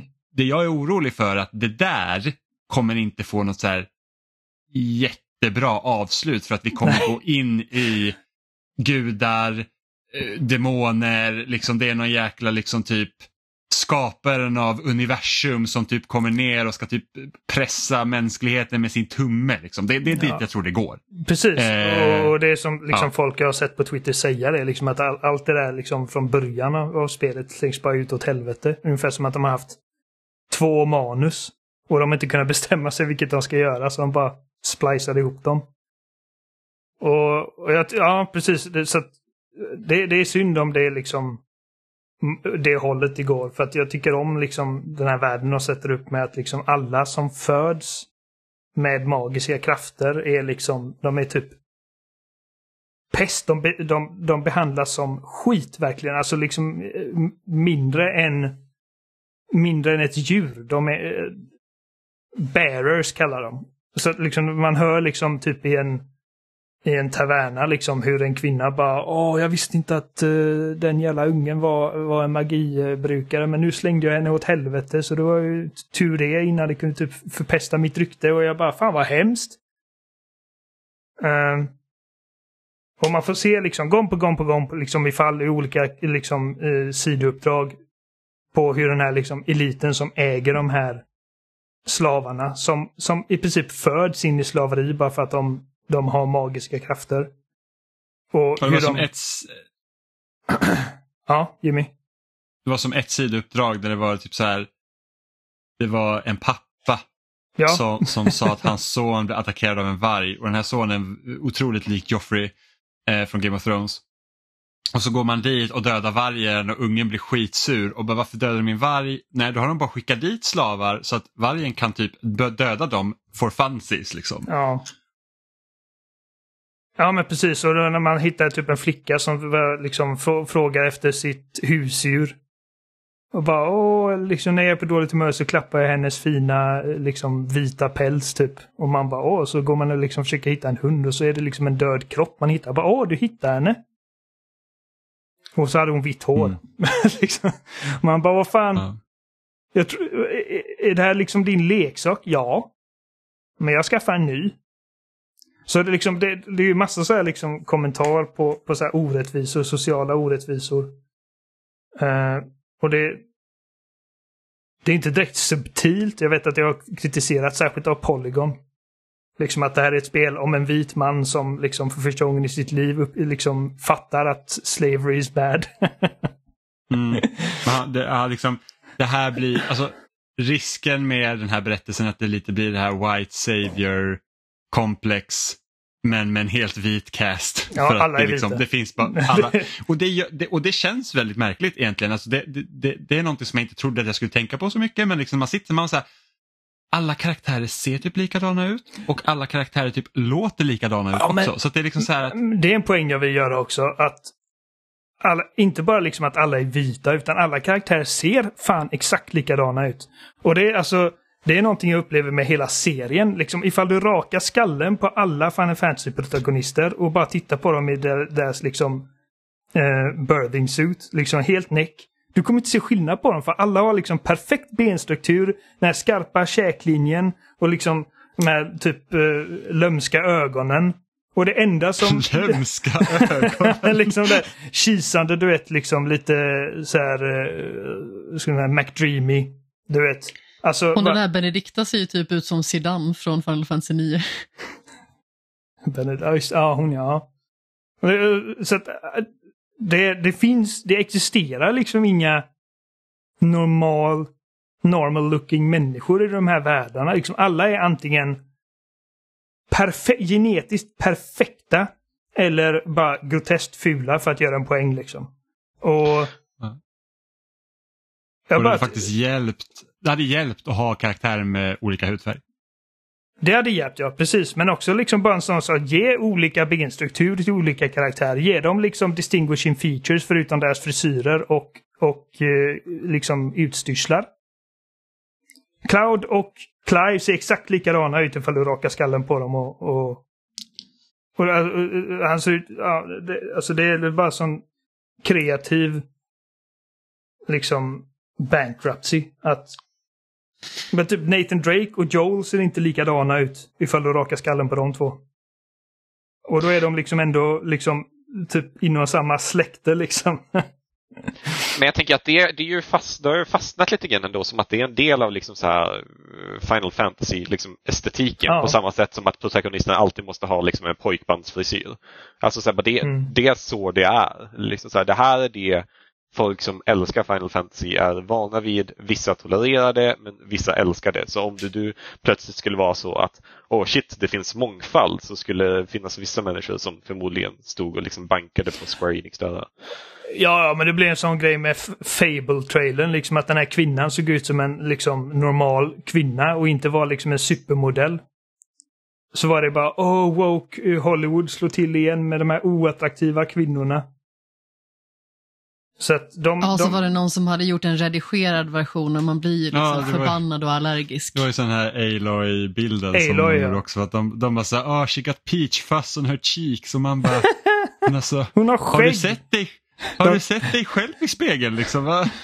Ja, men det, alltså det, och jag känner att det är liksom den här typen av spel som verkligen liksom cementerar det där att alla måste vara, alla, alla ska fan se ut som supermodeller. Alla i Final Fantasy-världen ser ut som du har knappat in liksom attraktiv hjältekaraktär i en AI. Och så har det ett symmetriskt ansikte. För samtidigt så, alltså Final Fantasy har ju egentligen inte skytt undan liksom att ha en mer, alltså mångfald i sin cast. Alltså genom, genom historien. Så att när, när eh, en del av problemet här blir ju att du, det är ju väldigt få karaktärer som spelet samlar sig kring. Där alla ser typ likadana ut. Men liksom Final Fantasy 13 hade ju liksom flera olika typer av karaktärer. Eh, även om majoriteten är vita såklart. Men, Ja, Men det är liksom, liksom en det har svart ju- kille. jo men det har ju Final Fantasy funnits 7. liksom. ja och, och jag måste Och säga han att är där- ju väldigt stereotyp också. Ja, precis. Alltså väldigt stereotyp. Liksom på den, den, den grad att det är typ offensiv. Liksom. Så att, eh, men men liksom så att det går ju och de kan ju, men av någon anledning så liksom har ju de... Alltså, jag, jag undrar om det kan vara så här att oj, vi ska berätta om slavar och vi vågar typ inte sätta... Alltså hur gör vi om inte alla är vita typ? Eh, eller, och, och sen har de också Låt sagt mig tänka efter. Variation. Ja men det är typ, ja, men det, så att man vill ju inte att det ska vara typ som Bioshock Infinite. De bara, ja, men vi har svarta karaktärer med i vårt spel och alla de får vara slavar. Men det handlar inte om dem. Så det blir ju weird. Liksom. Men, men här hade man ju kunnat haft, du kan ju ha liksom mångfald i, i världen och sen så bara så att det spelar ingen roll om du är svartvit eh, eller liksom vad du har för hudfärg. Du kan vara slav ändå för att du har magiska krafter. Så Mm. att liksom, men, men de bara, men vi vill kolla liksom på medeltiden och då vill vi ha, då var alla typ vita och man bara, men det Jag skulle precis säga det fanns inga svarta Nej, men människor liksom på så här, det, är medeltiden. typ, det är typ så de har Det är någon resonerat. nymodighet Med, medeltida eh, Storbritannien. Jo men det är typ Åh, så de har resonerat i, i, eh, i, eh, i, i intervjuer och sånt. Precis som att liksom inte att man åkte runt och handlade med massa olika folk. Även då, liksom, vikingarna var ju för fan borta i, i liksom Kina och grejer. Eh, så att, Och de sen- har lajat runt sin beskärda del. ja, men sen är det också att det här är ett fantasyspel. Gör det bara. Det är liksom, Ja. det, det är liksom i- ingen tar, okej, idioter kanske tar illa upp men ingen annan tar illa upp liksom om ni, ni liksom har lite mer mångfald. Så det, det, det är lite synd. Men, men jag är i alla fall väldigt, jag tror att jag kommer klara det här spelet i alla fall. Det är liksom, Jo, det Jag är helt okej med att idioter tar illa upp. Då får de göra ja, det. jag tror liksom inte att det kommer ta stopp. Och, och jag, att jag tycker att det är bra. Och det är väl liksom det jag kan säga, det, det är bra. Jag, jag är väldigt spänd på att liksom komma typ till nästa stora setpiece och liksom få puckla på någon stor sån här dominant sak. Liksom. Ja. Eller Acon som de kallas. Det är, liksom, det, det är ju höjdpunkter just nu för jag tycker att det, det är liksom, alltså hjärtat pumpar ju liksom. Man bara usch, alltså jävlar. Inte artisten Akon, Nu utan alltså händer det, liksom. E-I-K-O-N. Men skulle ni hålla med om att spelet överlag, alltså även i de striderna, är väldigt lätt? Ja, ja, Ja, men det har inga problem det, det är lätt. Jag, jag, så här, jag bara spelar Lies of P-demot och bara så här att usch vad svårt jag hade för det här och sen så bara Final Fantasy man bara yes det här går som på räls. För det jag tänkte, så, jag, jag stör mig inte på att det är lätt. nej men det, det, det, det, jag, det jag faktiskt störde mig på var, för jag började använda eh, ringarna, vissa ringar de kallar de här tre equipment-grejerna Ja. man ha. Eh, Ja. Eh, alltså så här, för dem, alltså så här, vissa av dem åtminstone, alltså så här, du, du, behöver ju knappt göra någonting. Alltså det blir alltså så här, nästan som så här auto-chess eller någonting. Alltså, jag, en av dem kommer jag ihåg, det är ju så här, den auto-dodgar åt dig. Eller så här, bara den saktar ner spelet. Alltså det är ju i stort sett omöjligt att dö. Eh, och en av de andra hette typ så här eh, Ring of Timely Strikes eller någonting. Och det är så här, det är bokstavligen liksom press X for awesome. Alltså så här, jag började använda den och så bara plötsligt varje gång jag tryckte på attackknappen så var det bara massa så här gigantiska flourishes och massa kombos som jag inte gjorde själv började användas. Och jag bara, alltså det här ser ju ballt ut men jag känner inte direkt som att det är jag som spelar spelet längre. Jag har inte testat Men, dem. eh, Jag tycker att det är liksom nej, ett ganska smart sätt för, för att inkludera liksom någon sorts accessibility för spel. Liksom för folk som inte är så bra på sådana här typer av spel. Mm. Ehm, men jag tycker att spelet är lätt även utan dem. Um, men alltså, Ja, de, de, de stora, de stora bossarna är liksom, de är lagom liksom att man, man behöver i alla fall vara med som du sa Jimmy. Man kan inte bara stå där liksom. Ehm, men sen liksom när man typ dödar liksom stora fladdermöss eller typ vargar i skogen liksom, det, det, det är inget motstånd överhuvudtaget. Nej, Jag vill bara försöka komma Nej. ihåg att jag faktiskt dog lite grann mer i Final Fantasy 7 Remake, att det hände några gånger i alla fall. Och här kände Ja, jag bara så där här, dog jag.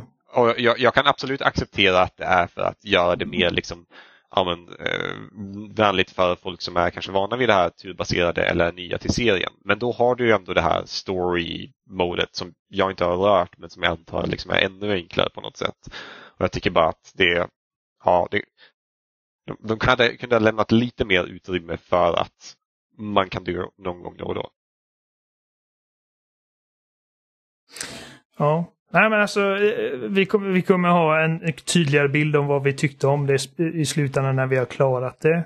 Eh, Just nu känner jag liksom, jag, jag är positiv, jag tycker, jag tycker om det. Eh, Jag är inte så liksom mind-blown som, som vissa andra är. Men, men, men de som är det har jag också klarat igenom hela spelet, så att vi får se. Mm.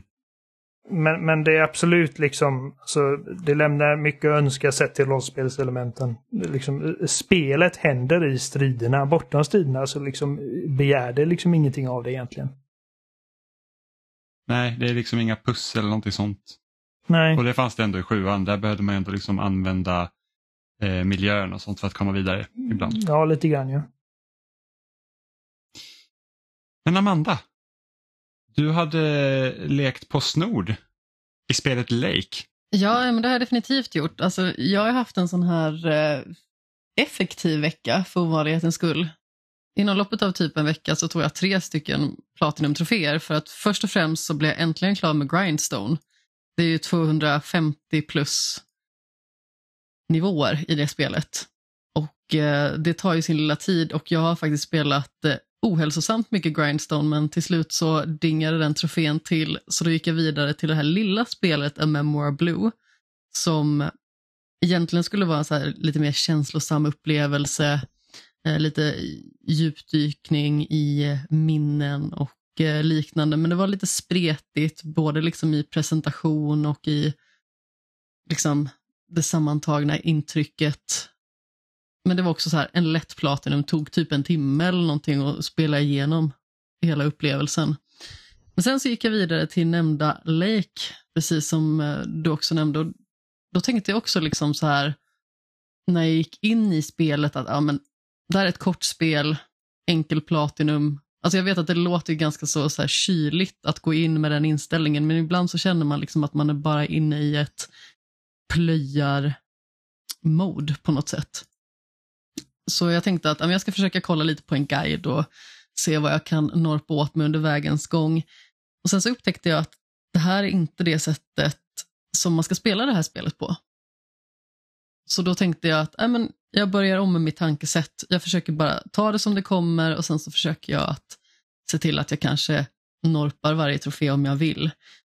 Och Det visade sig vara liksom ett bättre utgångsläge helt enkelt. För det är helt enkelt så att man spelar en karaktär som heter Meredith som eh, helt sonika återvänder till sin lilla hemstad som är beläget vid en sjö.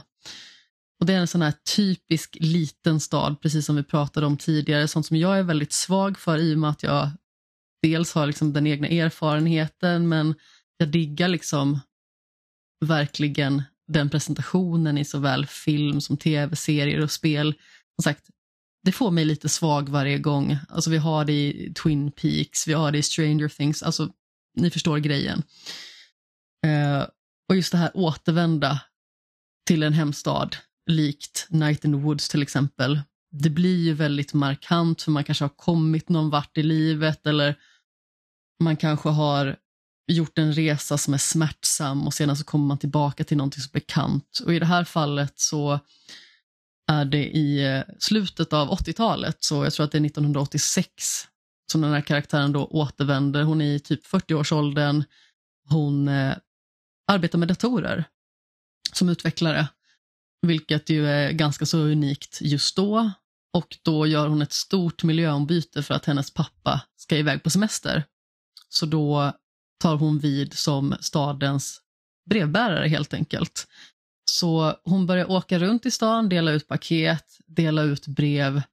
Och jag började precis som jag sa tidigare ganska så stelbent då med att se vad kan jag göra som dingar en trofé.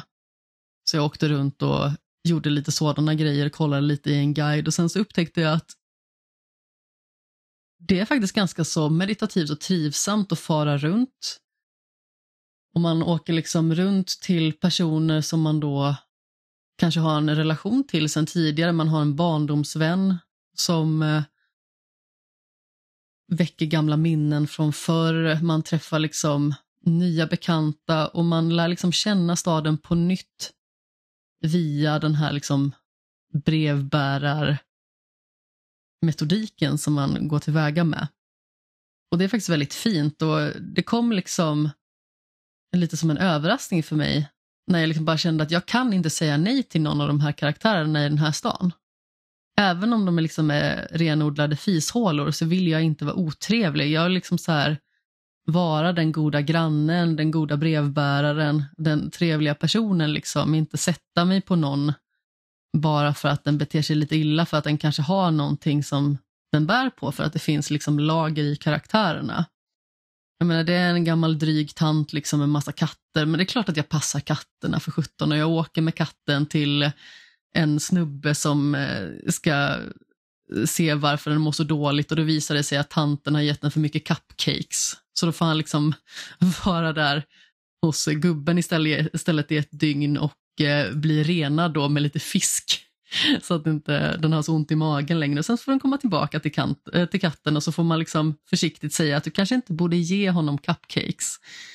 Eh, men det är liksom sådana interaktioner hela tiden. Det är någon snubbe som har en fejd med kommunen för att de liksom vill bygga ett stort hotell. Det är en diner där ens barndomskompis jobbar. Ja, men ni förstår liksom hela bilden. Det är en väldigt lätt bild att måla upp, det är en väldigt lätt bild att förstå sig på. Och Det är liksom ganska så lätt att falla för. En grej som jag har lite svårt för, det är ju karaktärerna, hur de ser ut. För att de ser ju lite nästan karikatyraktiga ut. Det är inte jättesnyggt. Det är mer så här om man kollar ut mot de olika vyerna som man tycker att men det ser ändå väldigt trevligt ut. Jag får lite så vibbar av eh, Life is Strange True Colors liksom med själva stället som det är beläget på. Så uh, lite så här den uh, norra delen av Amerika. liksom. Mm. Det låter ju väldigt mysigt ändå, kanske som ett bra avbräck mellan så här gigantiska spel som har plots att förstöra världen eller ta över världen eller whatever och bara vara en brevbärare ett tag. Ja men absolut. Jag visste inte riktigt vad jag skulle förvänta mig och som sagt jag gick ju in med en ganska tråkig inställning men ibland så kan det vara så att man går in lite som en maskin snarare än en människa för att man tänker att det här är ett lätt spel att plöja sig igenom men sen så visade det sig att jag tyckte att det var väldigt mysigt. Och återigen, precis som du säger där, att det handlar liksom inte om att rädda världen eller ens rädda staden, utan det handlar liksom om att eh, hitta nya karaktärer att knyta an till, välja om man har en framtid liksom på den här lilla orten eller om man ska tillbaka till storstan eller om man ska ge sig ut på andra äventyr, hitta sig själv lite grann och kanske gå på lite dejter och träffa nya bekanta, ta upp kontakten med gamla.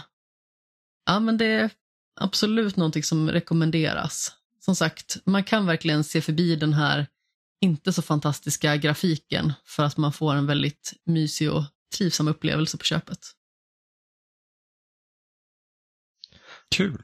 Ja, och sen nästa vecka hade jag tänkt att prata lite om A Space for the Unbound som eh, Oliver faktiskt rekommenderade till mig i januari som jag äntligen har tagit tag i nu. Space för Jag har aldrig spelat det. Det kanske var sånt som jag såg och bara, det här ser ut som ett mandaspel. Ja, men precis. Du skrev ordagrant lång pretentiös titel och tonårssvåra karaktärer som stirrar drömst mot horisonten. Amanda, spel för dig. ja, hoppas du tycker om det. Ja, men det är jag definitivt. Men det tar vi nästa vecka tänker jag. Och innan vi avrundar då, jag tänkte säga något Kristoffer. Ja, jag måste bara fråga då. Eh, så här bara, du, det lät, lät, lät kanske, du, du har sålt mig lite grann på det, men för att ha den här småstad, typ Pacific Northwest-viben och lite kanske så här indie-film så måste jag fråga, har den, har den en bra soundtrack? Eller är det någonting de försöker sig på? Alltså, man har ju liksom en radio som är bakgrunden och det kan bli lite monotont liksom för att det är ganska så mycket samma musik som spelas om och om igen. Men jag kan ändå tycka att musiken ändå sätter ton på Mm. själva miljöerna. Det är ingen musik som jag kanske skulle gå runt och lyssna på här hemma och eh, svänga mina lurviga till direkt, men jag tycker ändå att den passar. Men det är inte som, för jag kommer ihåg från, så här, från första Life is Strange, jag tror jag har ett par av låtar för den soundtracken fortfarande kvar. Liksom, så jag tycker att det passar in väldigt bra. Ja, okej. Men, eh, men, ja, ja, men det, det passar viben i alla fall. Ja, ja, men definitivt. Alltså jag har inte spelat igenom hela första Life is Strange och inte tvåan heller, just bara för att första, där var det någonting som eh, clashade lite med hur karaktärerna var skrivna och sedan så blev jag sugen på att spela något annat. Andra spelet så tror jag faktiskt att det var att jag höll på att recensera det, men jag fick liksom kod avsnitt för avsnitt. Åh gud. Men sen så fick jag inte eh, resterande koder, eh, utan jag spelade typ tre episoder tror jag att det var, eller någonting sånt, eller kanske fyra. Men sen så fick jag inte resten, så jag har liksom inte sett slutet. Wow, så Men jag tänkte jag skulle ta det någon gång. maximalt otillfredsställande. Men jag kommer ihåg, det var ju en ganska otacksam säsong också, eller vad man ska kalla för. Jag tror det tog 18 månader för alla avsnitt att släppas. Det är ju kanske lite för långt. Ja, jo, men så är det ju absolut. Det var ju lite som vi pratade om häromdagen, tror det var på midsommar vi diskuterade sådana här episodbaserade spel. Ehm, typ sista säsongen av The Walking Dead som hade oturen att eh, börja släppas precis innan Telltale dog, mer eller mindre. Och sen så togs det upp liksom ett halvår senare. Det blir ju liksom tungrot och då jobbar man ju väldigt mycket i motvind redan från början. Ja, men coolt. Jag, jag, jag kommer absolut att kolla upp det i alla fall. Det låter som att det är värt att titta om man gillar genren. Har du spelat eh, Life is Strange True Colors? Det har jag. Det har jag. Vad tyckte du? Ehm, jag vet inte, jag tycker så här, så här jag, jag håller med dig om att småstadskänslan eh, i de spelen liksom är en stor del av skärmen. Jag, men jag tyckte ändå att eh, mekaniken de hade kring framförallt det första spelet med liksom det här övernaturliga funkade bra. Jag tyckte att superempati inte riktigt var lika klockrent i True Colors. Uh, men det var fortfarande lite Ja, men det, det var lite mys, myskänslan fanns kvar i alla fall. Uh, även fast, ja, jag, jag hade hoppats uh, på lite mer kanske. Särskilt som jag tyckte att den här prequeln till Life is Strange också var ganska bra. Uh, så liksom, Before the Storm? Before the Storm. Eh, Oh, jag hade svårt för det alltså. ah, okej. Ah, vi, har vi kanske har två olika läger av Life is Strange-fans här. Det låter som att du gillar True Colors. Ja, jag älskade True Colors. Det var första gången jag kände att Life is Strange verkligen klickade för mig. För Before the Storm var verkligen en sån här grej att jag retade mig på spelet nästan hela tiden fram tills en ganska så avgörande grej i berättelsen. Mm. Och när det hände kände man bara, ja ah, men nu blir jag ändå lite känslosam. Och sen så gick de tillbaka och det funkade inte igen. Men problemet jag har med Life is Strange det är ju väldigt mycket att det känns som att det är väldigt tydligt att det är vuxna människor som skriver tonåringar för det blir väldigt mycket så här hello fellow kids känslan över det hela. Det känns liksom inte naturligt, det flyter inte på, det känns krystat, det känns svårt på något sätt. Men här när det liksom var lite mer unga vuxna som det handlade om fungerade det mycket bättre. Ja, men, jo, men det kan jag hålla med dig om. Det känns lite mindre cringe-aktigt möjligtvis. Ja, men precis. Men jag kan rekommendera Lake som sagt. Eh, Det kan man ge en chans. Enligt How long to beat typ sex timmar. Jag tror jag spelade tio. Men det var ju också bara för att jag eh, gjorde allting åt alla invånare i stan. Allt ifrån att som sagt passa katter till att eh, följa med på radioprogram till att eh, hänga med en snubbe ut och fiska. Ja, ja, ja. Ah, nej, men det låter jättemysigt. Jag ska absolut kolla in det. Ja, kör hårt. Och innan vi avrundar för dagen egentligen då så Nintendo hade ju sin sommardirekt i veckan där vi egentligen fick se ja, en del överraskningar faktiskt och man kan väl ändå säga det som så att eh, det börjar väl bli dags egentligen för att Switch sjunger på liksom sista versen egentligen med det som är utannonserat. Eh, och inte, inte i negativ andemening men, det, men liksom, det är inte de största titlarna som, som liksom utannonseras men det är liksom ändå några överraskningar. Eh, vi fick ju till exempel, och som jag nästan skulle säga är den största överraskningen, det är ett nytt 2D Mario som heter Super Mario Bros Wonder. Eh, som, ja, vad ska man säga, som egentligen är, är nästa steg efter New Super Mario Bros-serien som varit med oss sedan 2005. Mm. Ja, det är, det är gött att se ett nytt 2D Mario-spel som inte är modellerat efter New Super Mario Bros-serien. För den, den kändes ganska, liksom, den kändes ganska gjord redan när, 2012 när eh, det Wii U-spelet kom. Verkligen. Eh, och just att det typ också ser ut som, det ser nästan ut som att man har tagit eh, artworken från Super Mario Bros 3 och gjort den i 3D. Ja, det, kanske. Ja, jag gjorde den kopplingen men det, det är möjligt. Um, Alltså det, det, är inte exakt så men liksom Mario är lite kortare, lite rundare. Det är liksom lite mer han ser inte ut som han har gjort typ i alla sportspel och Mario Party i, i ett 2D-variant utan han liksom, det, det, är lite mera Stilistiskt. Det är lite stilistiskt, ja precis. Och jag tycker att liksom så att jag tycker mig liksom bara känna igen det lite så här Super Mario Bros 3-aura från det även om det liksom jag hade ju önskat att någon hade gjort liksom tagit faktiskt artworken från Super Mario Bros 3 och sen gjort ett spel som ser ut så. Eh, mm. men, men det lär vi aldrig få. Men, men, här har vi i alla fall ett, ett nytt 2D-spel som ser liksom, det ser väldigt spännande ut måste jag ja, säga. det har en egen stil, även om det givetvis alltså, ser såklart ut som ett Mario-spel på alla sätt och vis. Men, men det har en egen stil inne, liksom, inne i den lilla subgenren av liksom, plattformstilar. Och eh, det har voice acting och eh, det jag tyckte såg spännande ut var att eh, det verkar finnas många olika former för honom. Liksom han förvandlas till en elefant mot slutet.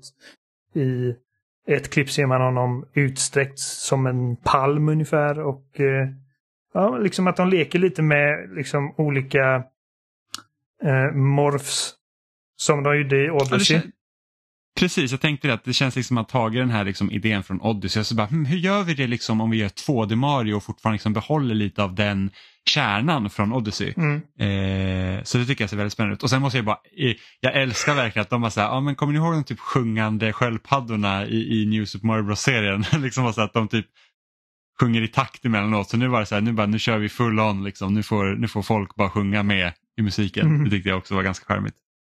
Ja, det ska eh, definitivt spelas. Lite oturlig release date dock. Ja, alltså, alltså det var verkligen så här, man bara, ja men hur, hur ska någon kunna släppa fler spel i höst? Och Nintendo bara, vi släpper alla våra spel i höst typ. Men bara i oktober så kommer Forza Motorsport, uh, Assassin's Creed Mirage, Alan Wake 2, Spiderman 2, Super Mario Bros Wonder och City Skylines 2. Och liksom, nu kommer inte jag spela alla de spelen, men det är ändå liksom ganska stora releases. Um, Gissa vem som kommer spela alla de spelen? Ja, du. Uh, Ja, ja, jag vill spela allihop. Det är liksom att man bara, ah, vad ska jag göra? Jag menar, för mig är det liksom Spiderman 2 och Alan Wake 2 är de två som jag definitivt med 100% säkerhet vet att jag kommer spela. Forza är jag laddad ner och spela lite grann åtminstone. Okej, okay, Forza är nog det spelet jag känner att jag kan skippa. Ja, jag hade nog inte köpt det, men eftersom att det kommer på Game Pass. Och, ja, och du har inte liksom händerna fullt upp med något annat? Nej, och jag, jag, gillar, jag gillar Forza. Jag tycker det är, liksom, det är en kul serie. Um, men, men liksom vid det laget sitter man ju fortfarande och spelar Starfield mest troligt. Liksom. Ja, oh, gud. Herregud, magsår bara jag tänker på det. Eller Cyberpunk. Ja. Cyberpunk-expansionen ja, kommer också i september, ja precis. Just det. Kämpa. Ja. Och sen så utannonserade också med en remake på Super Mario RPG som många liksom har typ skrikit efter att varför finns inte det på i SNES-appen. Mm. Eh, det här är varför. jag tycker är kul. Jag, ja precis, det här är varför. eh, och jag har aldrig spelat Super Mario RPG så det ser jag också väldigt mycket fram emot. Mm. Ehm, Eh, jag blev... eh, vi fick ett datum på Pikmin 4. Det kommer i juli. Nästa månad redan. fast, det, fast det visste vi sedan innan. Jaha, okej. Nyheter för mig. Det, jag vet inte om det hade... Jo, det har haft ett exakt datum. Det, det har varit juli sedan länge. Men ettan och tvåan kommer. Eller de kom Yes. samma dag. De kom samma dag. Jag köpte det på en gång. Jag tycker eh, li, lite, alltså så här 300 spänn per spel eller vad var det? Mm, ja, precis. Och sen så kunde du köpa båda för typ 599. Ja. Ehm. In, ja, det, det är inte orimligt pris, två spel för ett full, fullpris, men... Jag hade hellre Ja, då... du, du kan inte, det, de finns ju, det finns ju ett sätt att spela på dem heller. Liksom. De har inte släppt sen Wii. N- Nej, precis. Eh, jag, jag tror att det är mest troligt att jag kommer börja med ettan. Jag kommer ihåg att jag hade roligare med ettan än tvåan. Jag vet inte varför, men, men det är vad jag minns. Ehm, Ja, ettan, är, ettan är min favorit också. Jag, jag tycker att ettan är skitbra för att det har just det här med du har 30 dagar på dig att, att liksom hitta 30 delar i princip. Eh, det gör liksom att det finns en annan liten nerv i det spelet än vad det finns i den övriga. Och sen måste jag ju bara älska det att folk som inte har spelat Twitter tidigare upptäcker nu att Pikmin är brutalt. för att det är liksom typ min första, alltså när jag spelade Pikmin var det 2002 tror jag det kom mm. eh, i Sverige. Ehm, och, och de första Pikmin man får är de röda Pikmin och de tål eld. Men de tål inte vatten. Vilket jag inte visste. Så jag hade mina hundra röda Pikmins och bara rätt ner i sjön. Och när Pikmin dör så blir de själar som flyter upp mot eh, skyn och låter typ så här. Så alla mina Pikmin bara dog och bara så här, Mm. what? Och nu kan man se på Twitter alla som upptäcker det också för de tänker typ så här, bara, ah, men ett sött litet farmingspel typ där man odlar eh, Pikmins. Visar sig att det är liksom, nej det är inte vad som händer. det, är, det är fan massaker. Ja, otroligt. Många Pikmin har dött i min väg. Eh, utannonsera ett nytt uh, WarioWare. Jag tror att det var helt ny utannonsering. Jag, jag har inte hört Ja, talas om det, förut. Det är helt, helt, helt nytt och det ser ut lite att ta det här. Det ser ut att vara liksom mer en fortsättning på Smooth Moves som också släpptes på Wii. ja, men det här med liksom eh, att- gest... eh, Ja precis, och du liksom ska, du har liksom så här, jag hoppas att de kör lika såna här löjliga pose-namn och sånt eh, som det var på Wii. Det var ju jätteroligt. ja, det var kul. Typ det var så Det bara, var typ ah, det roligaste the elephant. Ja, så bara the elephant och så hade de så här värsta så här intrikata förklaringen på vad det var och varför man gjorde den rörelsen och hur bra det var typ för, för din typ feng shui. Nej men liksom typ Grab sådana your grejer. Wiimote Nej. like it is your trunk and place it at the top of your face while you're doing... Ja, Ja. verkligen så här, så här. ASMR voiceover. Ja, och vi spelar ju lite av det senaste WarioWare som kom till Switch, vilket var liksom, det var okej. Eh, Väldigt stissigt. ja, men det, är- det är ju WarioWare. Väldigt Alltså, det är. risigt alltså. Ja, det var lite krille över War- senaste WarioWare. Men är inte det lite inbyggt i namnet nästan också? Nästan, det här blir full circle och kommer tillbaka till namn. Men så här bara, alltså när jag tänker, om någon säger wear bara så tänker jag på typ bloatware och shovelware. Och på samma Shovelware. sätt så här, wa, wa, Warriorware är så här, ja men det är så här bara, det är ett gäng så här minispel. Några av dem kanske är så här bara, lite underhållande, många är ganska risiga. Ja men det är, det, det är ju precis vad det är. Ja, det är alltså, det. det är typ, jag tror eh, premissen i första WarioWare var ju typ så här att ja, men, jag ska bli typ spelutvecklare för jag ska tjäna massa pengar så vi gör de här liksom, små mikrospelen och bara, bara De är värdelösa. ut med dem. liksom. Ja, och det, och det tar ju verkligen bara några sekunder att klara dem och sen går det bara Varsågod, fortare, här har ni 50 gånger skräp. Ja men typ. Eh, och det blir ju väldigt kul liksom när, när de sitter ihop. För att det WarioWare-spelet jag har spelat mest det är ju det till DS. Och det Mm, var ju superroligt verkligen. Alltså de använde DSen perfekt liksom med, med touchscreen och allt det liksom. Och hur man skulle liksom och, och, Peta och typ jaga high scores. Skulle man inte Ja, blåsa det- i det- mikrofonen där också på några av de spelen? Jajamän, Ja, jajamän och typ slå ihop den och det var, ja, det var det är helt galet. Och så satt man liksom och så går det ju, kör man liksom, eh, liksom typ score attack eller någonting sånt så det, liksom, det går ju bara fortare och fortare och fortare. Liksom. Ja, det, det är helt galet, jag älskar det verkligen. Eh, och, och riktigt samma känsla fick man ju liksom inte i, eh, i eh, senaste Warrior då. Eh, och inte det egentligen heller i Wii-spelet men, men liksom Wii-spelet var ju mer party. just att du liksom, ni, ni, var, ni skulle samla er ett gäng runt tvn och göra de här konstiga liksom, movesen. Så att säga.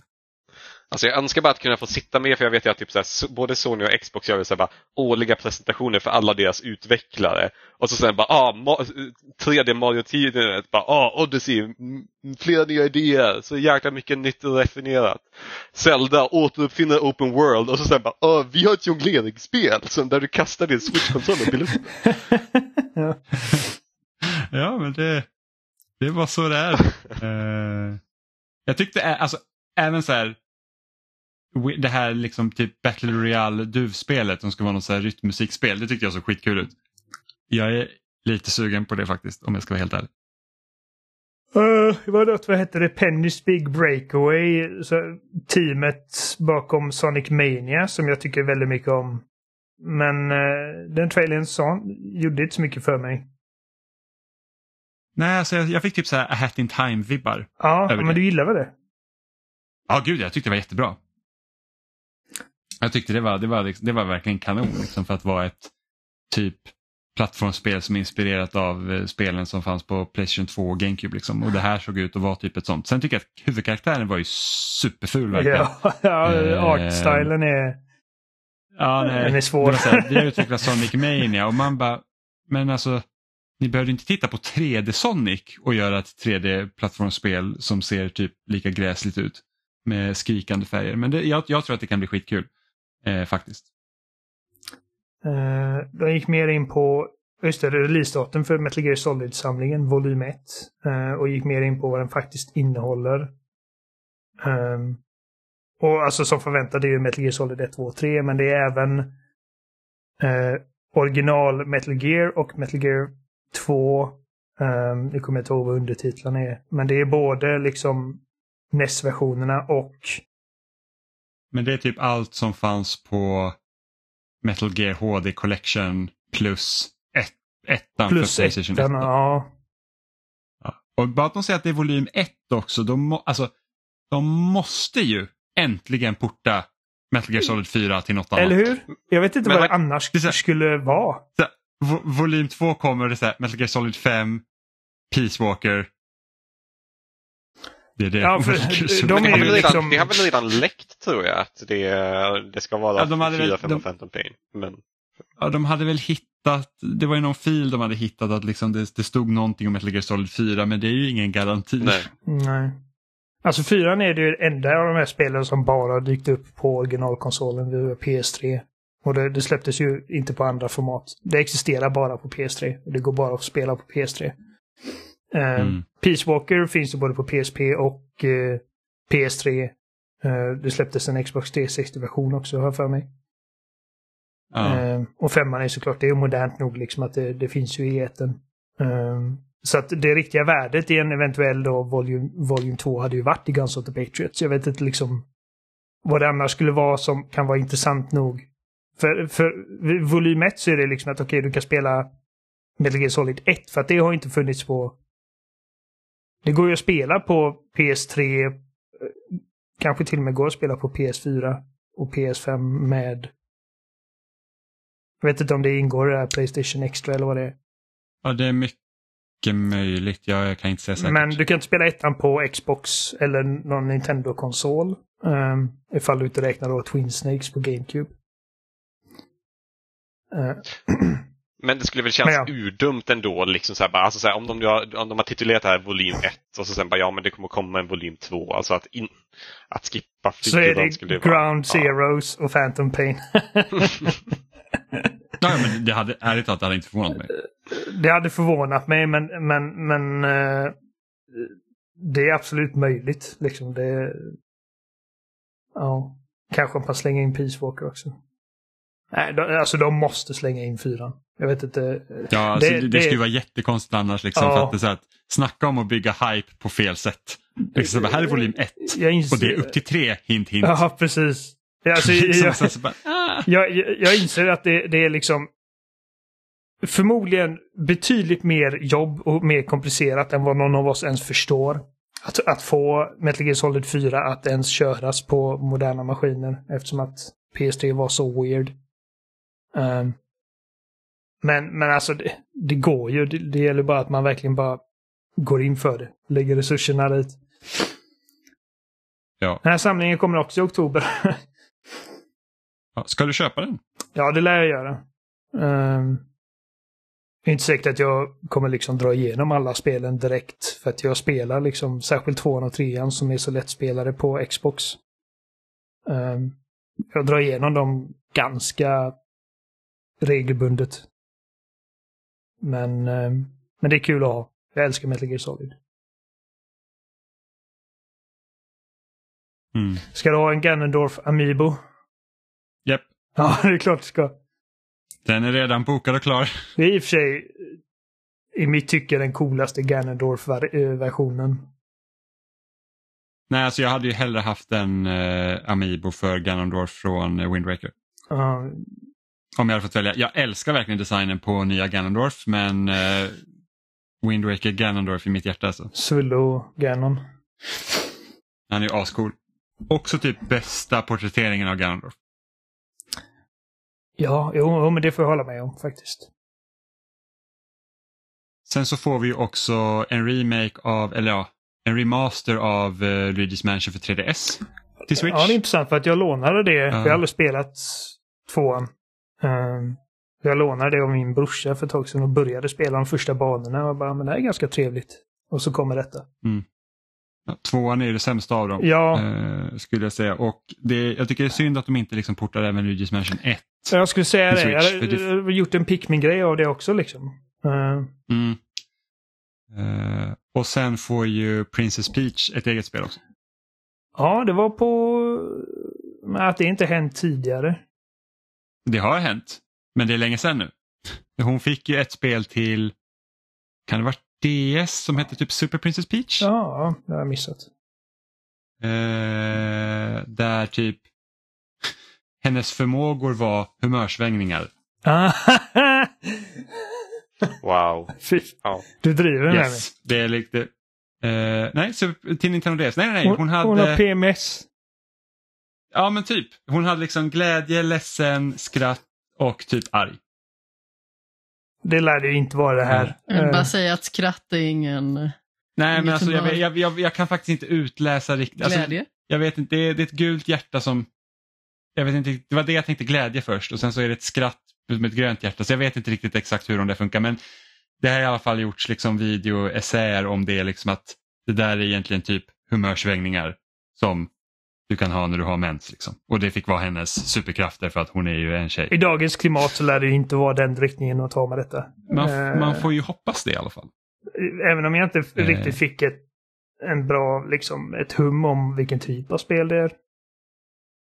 Alltså jag tror att det är typ 2D-plattformsspel där också. Okej. eh, och det är lite det jag känner att om, om det börjar komma liksom Super Mario Wonder som ett 2D-plattformsspel så har vi eh, Princess Peach-spel som ett 2D-plattformsspel. Så det är så att okej, det går, det är lättare att göra de typen av spel än ett, liksom ett stort 3D, liksom Mm, Mario eller det är 3D klart. Princess Peach eller vad som helst. Att, liksom att de stora grejerna kommer till Switch 2 nu och nu får vi liksom det här. Nu vill jag Vilket att, eh, fortfarande kan såklart vara bra spel. Ja, men liksom, det är lite så jag känner. Det var typ samma sak med Wii, det var ju typ 2D-plattform galore.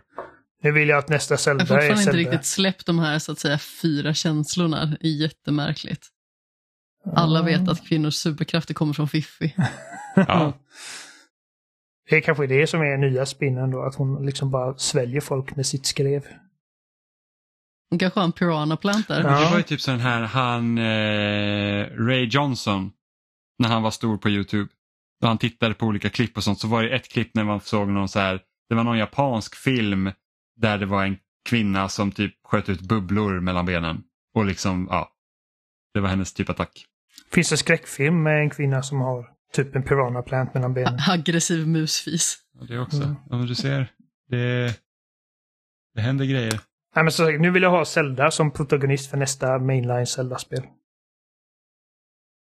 Ja, så de hade ju, de hade ju teoretiskt sett kunnat göra Tears of the Kingdom att du faktiskt fick spela som både Link och Zelda. Ja. Och du kunde, de kunde ha spelats i de olika tidslinjerna. Eller bara Zelda.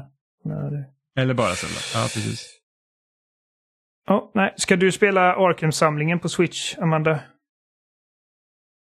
Mm, nej, jag vet inte. Det känns högst osannolikt. Det känns lite som det ultimata... jag vet inte. Det var inte, det var inte ett konst, det var inte liksom ett, inte ett uppenbart nej. Det finns för mycket spel för att spela, så då kör jag det hellre på Playstation 5 igen och spelar uh, Arkham Asylum på hard, för det behöver jag göra för att få en trofé. Jag behöver alla de här utmaningarna och jag kommer aldrig göra det. Alltså det är ju fruktansvärt. En liten del av mig vill ju ta Platinum i Batman Arkham Asylum bara för att det är typ ett av mina absoluta favoritspel någonsin. Och jag har ju spelat det, vad är det, typ så sju gånger eller någonting sånt. Men samtidigt känner jag att jag är fasen för dålig för det där alltså. Någon jäkla måtta får det vara. Att jag sitter uppe till klockan tre på natten och kör den här jäkla pull-up utmaningen i Final Fantasy 7 Remake och skriker rakt ut så jag väcker Jimmy. Det är en sak. Men de här kombinationerna, ja, det sitter inte alltså. Eh, det är bara ett av spelen också som faktiskt är på kassetten när man köper. De andra två får man ladda ner. Ah, sånt är så tradigt ändå. Besynnerligt. Men förmodligen fortfarande bästa kommande Rocksteady-släppet på ett företag. Förmodligen ja. ja, jo. Och alla låtsas som att Batman Arkham Origins inte existerar. Det, det ser, man borde kunna Lite knycka in det där. Synd. Synd. Jag menar, Ja, men det är ingen som vill, liksom, det är ingen som vill göra mödan till att porta det till någonting. Nej. Också synd. Jag hade ju jättegärna sett att det hade kommit liksom till eh, Playstation 5. Så man hade kunnat få spela det ordentligt. Alltså nu har vi ju det till eh, Xbox 360. Men jag har ju ingen skivläsare på min. Nej. Får låna mitt, eh, min Xbox One X och spela där igenom. Ja, nej, men precis. Eh, men, Men jag tycker att det är ett eh, oförskämt eh, förbisett spel ändå. ja, det är bättre än Arkham Knight. Jag tycker Jag tyckte ändå att Arkham Knight var bättre nu senast när vi spelade det. Men eh, generellt sett så håller jag med. Jag tycker bara att det är taskigt av liksom Warner Brothers som utgivare i och med att liksom så här, det var ju uppenbarligen på deras bevåg så de bara okej, okay, vi behöver något som fyller gapet medan de blir färdiga här. Och jag menar, ja, jag håller med, liksom, bara, det är ett kompetent spel. Men sen måste det ju vara så varje gång de har portat spelen, de bara ah, fan, vad, vad är det minsta vi kan göra? Ja, men kan, vi kan ju bara skita i det här fjärde spelet och utvecklingstiden för det. Eller kostnaderna eller whatever. Och så släpper vi de här tre och kallar det The Arkham Trilogy. Det känns lite, ja, det, Jag vill känns... inte... Uh, förlåt, jag vill inte avbryta, men, eh, men jag har typ sagt vad jag vill få sagt och, och min son har vaknat och skriker så jag måste springa till honom. Så uh, jag låter er Yes. avsluta utan mig. Ja, men vi ska, vi ska ändå avrunda här. Hej hej på er! Hej då Oliver. Nej. Eh, ja, men precis. Jag tror att det är lite bad blood mellan Rocksteady och eh, Warner Brothers just på grund av det. Ja, det ska det absolut vara. Att det liksom är så här, att, att jag tror inte att Rocksteady vill att Ar- Arkham Origins skulle göras. Och de hade ju liksom inget val. Nej, visst. Även om det inte var någon som utvecklade. Ja, ja. Men med det sagt och med tanke på att Oliver också har lämnat byggnaden så att då får vi... Det var nog allt för den här gången. Vi har ändå pratat i två timmar. Eh, ni hittar oss som vanligt på spelsnack.com. Där finns också länkar till alla ställen vi finns som Facebook, Instagram, Youtube, Twitter. Eh, ni hittar oss som vanligt på er favoritpodcast-app som Spotify, Apple Podcast eh, och RSS-flöden. Eh, ni kan också mejla till oss på kontaktetspelsnack.com eller kommentera i våra sociala mediekanaler eller även på loading.se där vi läggs upp. Kristoffer, var hittar man dig någonstans? Eh, enklast hittar man nog mig på Twitter och då är det CT Lundberg som är mitt användarnamn. Yes. Tänka sig att vi håller fast i Twitter trots att den plattformen typ brinner. Det är så här, varje gång man startar den appen man bara, vad har ändrats nu? Ja, men det bara, vi, vi, får alla, vi får alla skaffa Mastodon-konton på samma dag så, så kanske det kommer hända. Jag tror jag har ett Mastodon-konto som jag inte har gjort någonting med och sen så tror jag också jag har en annan typ Twitter-liknande app som jag också skaffade som jag inte minns vad den heter nu som jag inte har gjort någonting med. Så att, ja, det, vi får se. Eh, ja, men då säger vi hej då helt enkelt. Hej då! Puss i ömskan. Hej då!